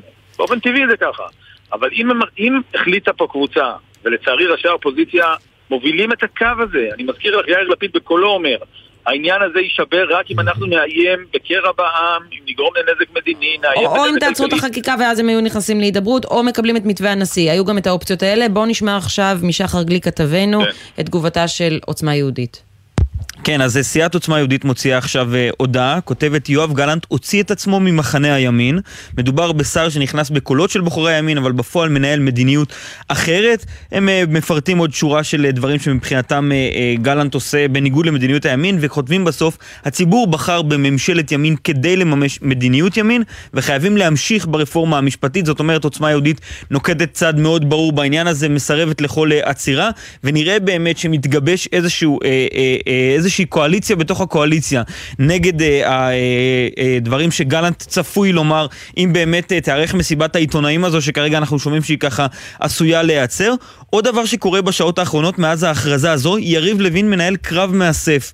פונה אה, בצורה ישירה או עקיפה להרבה מאוד חברי כנסת, בעיקר כאלו שבאמת מסומנים כמתונים או כאנשים שאולי אה, עשויים להצביע ו- וללכת מאחורי אה, יואב גלנט, הוא מנסה להוציא מהם תמיכה בחקיקה, ובשלב הראשון הוא מנסה תמיכה פומבית, בינתיים אנחנו לא רואים את החבר'ה האלה שיושבים על הגדר אה, מוציאים איזושהי הודעה פומבית, אז זה לפחות הוא לא מצליח, אבל אולי הוא יצליח באמת לעצור אותם מלעמוד מאחורי גלנט, ועוד דבר שבאמת אנחנו מבינים, אה, כמה חברי כנסת מספרים לנו שגלנט כבר יממה פונה אליהם ומנסה לגבש את הקואליציה. בין האנשים שאנחנו מבינים שהוא פונה אליהם, ניר ברקת, אלי דלל, אבי דיכטר, אה, יולי אדלשטיין ועוד חברי כנסת. חלקם זורמים עם הקואליציה הזו שהוא מנסה לקדם, חלקם פחות, אבל גם אלו שאומרים לו, אנחנו איתך, הם אומרים, אנחנו מוכנים לקרוא לעצירת החקיקה, אבל רק אם זו עצירה זמנית, עד אחרי החגים הלאומיים, אנחנו לא מוכנים לעצור לגמרי את החקיקה.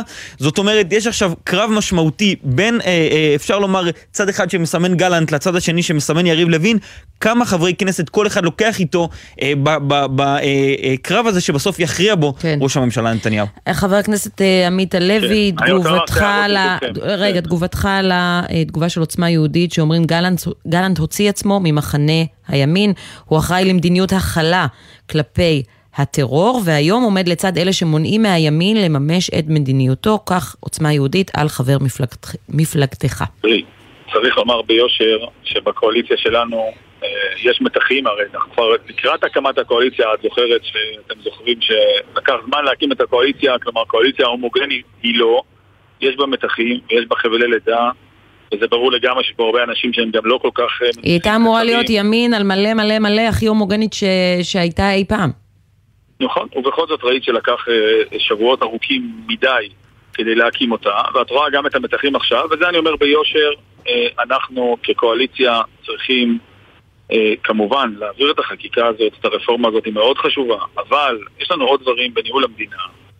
צריכים אה, להסתכל בעיניים בוגרות על אה, איך מנהלים מדינה, ולא כל דבר צריך להגיע ל... ל... וזה, דרך מבחינתנו, אנחנו קואליציה, אה, כמו שאמרתי, יש בה הרבה גורמים חדשים, וזה מתחים שקיימים, ואני מקווה מאוד שהם גם אה, יבואו, אה, והדורים האלו יושרו. אני כן רוצה לומר על דבר אחד, על מה שאמר כתבכם. אם בסופו של דבר דמוקרטיה תיכנע לאיומים, צריך לדעת גם השר גלנט, זה דבר לא טוב. אוקיי. Okay. לא טוב, לא בריא לנו, ולא טוב שיקרה. אפשר לדבר על הרבה דברים, ההצעות האלו אגב עלו בשיאה. ההצעות לדחות את החקיקה זה הצעות שעלו בשיאה. ללא ספק, ואף חבר הכנסת עמית הלוי. מחיר, והמחיר יהיה כבד גם לצד השני. תודה רבה חבר הכנסת עמית הלוי, ואנחנו חוזרים עכשיו אלייך יובל מילר שנמצאת אה, בבני ברק עם אחד המפגינים. כן, אז אנחנו כאן, בעצם אה, הצעדה צפויה לצאת בשעה שבע. אנחנו כאן אה, עם אביב אורן, שהוא גם מצטרף למחאה, הוא חלק ממחאת המילואימניקים, אה, אנחנו נצטרף אותו עכשיו לשיחה איתכם. הלו, שלום. שלום, שומע אותנו, נכון? נכון, קצת אוקיי. רעש ברקע, אבל שומע. קודם כל צריך לומר, אתה יודע, זה לא נשמע כמו איזושהי התרסה, כי הרי בסופו של דבר אתם מגיעים לבני ברק, ולא זו הכתובת שבאמת צריכה לשמוע אתכם. זה בהחלט הכתובת שצריכה לשמוע אותנו. הציבור החרדי צריך להיות ער למה שקורה. המנהיגים החרדים, לא הציבור. גם הציבור וגם המנהיגים החרדים. בסוף הם בוחרים את המנהיגים שלהם. אם הם בוחרים מנהיגים שמחליטים ללכת לקיצון, אז כולם צריכים לשמוע את זה, לא רק בכיכר הבימה. אה, ומה שצריכים להבין, שמה שהציבור החילוני הליברלי יתעורר, והוא לא רק רוצה שהחקיקה הזאת תיעצר. הוא רוצה לייצר הפרדה בין דת למדינה, הוא רוצה שוויון זכויות מלא, הוא רוצה חוקה. רוצים הרבה מאוד דברים שצריכים לקרות שוויון בנטל, גיוס של כולם, הרבה מאוד דברים שצריכים לקרות, ואנחנו שמחים מאוד שכל הציבור החילוני הליברלי יתעורר, ושהמנהיגים הקיצוניים מהצד השני העירו אותנו ואיחדו אותנו. אתם אה, מקבלים את הדיווחים על ההצהרה של, הצ- הצפויה של גלנט, תוך כדי שאתם אה, צועדים בהפגנה? ברור שאנחנו מקבלים את הדיווחים ואת ה... פתאום את אה, הקדמה של ביבי לפרונט אחרי שחוק הנבצרות עבר. כל הספינים האלה וכל הניסיונות להרגיע כרגע את המחאה הם, אה, הם לא יעלו כי בסוף הציבור החילוני ליברלי באמת יתעורר ויש פה דרישות הרבה יותר עמוקות מריכוך החק... החקיקה. אז מה שאני בעצם שומעת ממך זה שגם אם גלנט קורא הערב אה, לעצור את החקיקה, ויכול להיות שנתניהו יצא באיזשהו מסר מרגיע, אולי אפילו עצירה עד אה, אחרי הפגרה הקרובה, אתם ממשיכים בכל הכוח? עצירה למען הידברות היא מבורכת. זה לא, אני לא מחליט כרגע אם כולם מחליטים, ממשיכים אה, בסוף הכוח. בסוף יש פה הרבה מאוד מחאות, הרבה מאוד התארגנויות, גם האחים לנשק, גם המחאה הגאה, גם ההייטקיסטים, גם הרופאים. יש פה הרבה מאוד התארגנויות ספונטנית של ציבור שלם שהתעורר, שהוא יהיה כרגע עם היד על הדופק, גם אם החקיקה נעצרת, איך הוא היום, שהוא יתאגד בקבוצות ובארגונים, ממשיך את המלחמה שלו כדי שהקול החילוני הליברלי, הרוב, גם מהימין אגב, היום הימין הליברלי היותר חילוני ומסורתי, גם הוא מבין שהוא שבוי בידי הקיצוניים שבקיצוניים. ומה שיקרה במדינה מחר לא טוב גם עבורו. אז- התפקיד שלנו יהיה להבטיח שפה יהיה טוב. אז בואו נשאל ככה, אם כן יש עצירה בחקיקה, האם תקרא למילואימניקים שאמרו שהם יפסיקו להגיע למילואים לחזור בהם? אני לא רוצה לדבר בשם אה, ארגון שיכול להחליט בפני עצמו. בסוף זה התארגנות ספציפית. אתה אישית. וכל אדם עושה מה שהוא מאמין. אתה אישית. אין פה אף אחד שקורא לסרבנות, ואין פה אף אחד שקורא לאנשים להתגייס או לא להתגייס. כל אחד בסוף עובד לפי מצפונו ולפי האידיאולוגיה שלו. אתה אישית תעצור? זאת אומרת, תגיד, אוקיי, זה, השגתי את מה שרציתי, יש כרגע הידברות, אני עוצר את המחאה? אני מבחינתי, המחאה הזאת רק הדליקה את הרצון להילחם עבור המדינה ולהכניס לה חוקים וערכים שישרתו את, את שוויון הזכויות והשוויון בנטל. אבל ברור לך? שאתם תגיעו, שבמקסימום תצליחו להגיע לפשרה, לא להישג אפילו טוב יותר מנקודת הפתיחה של המאבק הזה. בסוף יש פה עוד צד. הרצון יהיה להגיע לנקודת, ברור, לעשות את השינוי גם הפוך לצד השני. אוקיי, תודה רבה לך. אה, נוכל- רבה לכם. ותודה גם ליובל מילר שלנו שנמצאת שם אה, בהפגנה. אנחנו מיד מסיימים כאן את השעה, רק נאמר לכם, גלי צה"ל, מחלקת החדשות של גלי צה"ל נמצאת כאן בגל שידורים אה, פתוח לכל אורך אה, הערב הזה. אנחנו אה, מיד נצא למהדורת חדשות השעה שבע. אה, יהיה כאן אחרינו דרור אה, גלוברמן, אבל חן ואני נחזור כאן אה, מיד אחר כך בשעה שבע וחצי ועד אחרי ההצהרה של אה, ראש הממשלה. אל תלכו לשום מקום, אנחנו כאן, אצבע על הדופק, אוזן כרויה, רגע, עין רגע, צופיה. יש לנו עוד, אה, עוד, עוד קצת זמן. אני, אני כן אגיד לסיכום השעתיים האלה, שכשהגעתי היום, רציתי לדבר איתך על המערכון של ארץ נהדרת, שמזהיר, כלומר, של יניב ביטון, שבא ואומר, אני ההרוג הראשון, רגע לפני שהוא יוצא להפגנה, ורציתי להגיד לך איזה בוקס בבטן זה נתן לי, וכמה אני מפחדת כל כך מהרגע הזה. ואז התרגש עלינו ההצהרה הזאת ודיבורים, אולי יש עצירה, אנחנו עוד לא יודעים אם תהיה עצירה, אנחנו יודעים שיש סדק אחד בחומה בצורה הזאת. אנחנו נחזור אליכם בשבע וחצי, לפנינו דרור גלוברמן. כן, רק. נגיד, ערך אותנו רועי ולד, הפיקו עומר לפיד וברק בטש, על הביצוע הטכני בן שני גלעד בלום, עורכת הדיגיטל מיה אורן מיד אחרינו, כמו שאמרנו, דרור גלוברמן, אל תלכו לשום מקום, חצי שעה, דרור גלוברמן, ואנחנו חוזרים עם כל העדכונים.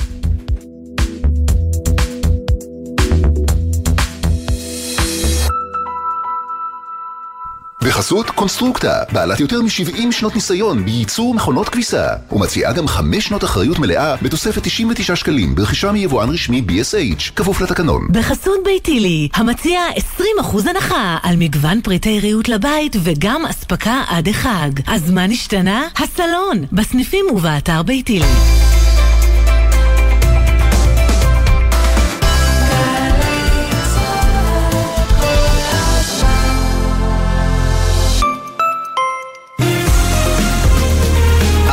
קרנות השוטרים והסוהרים. בפסח הזה מגיע לכם יותר, הרבה יותר. 40 אחוזי הנחה ברשתות, שוברים ומוצרים מסובסדים. התוקף וההזמנות באתר קרנות. קרנות השוטרים, קודם כל בשבילך. קרנות השוטרים קודם כל בשבילך בואו רגע נדבר על הקריירה שלכם. סיימתם תואר ראשון, הגעתם גבוה, מה עכשיו? עכשיו הגיע הרגע להמריא ממש מעל העננים. זום פתוח לתארים שניים ברופין.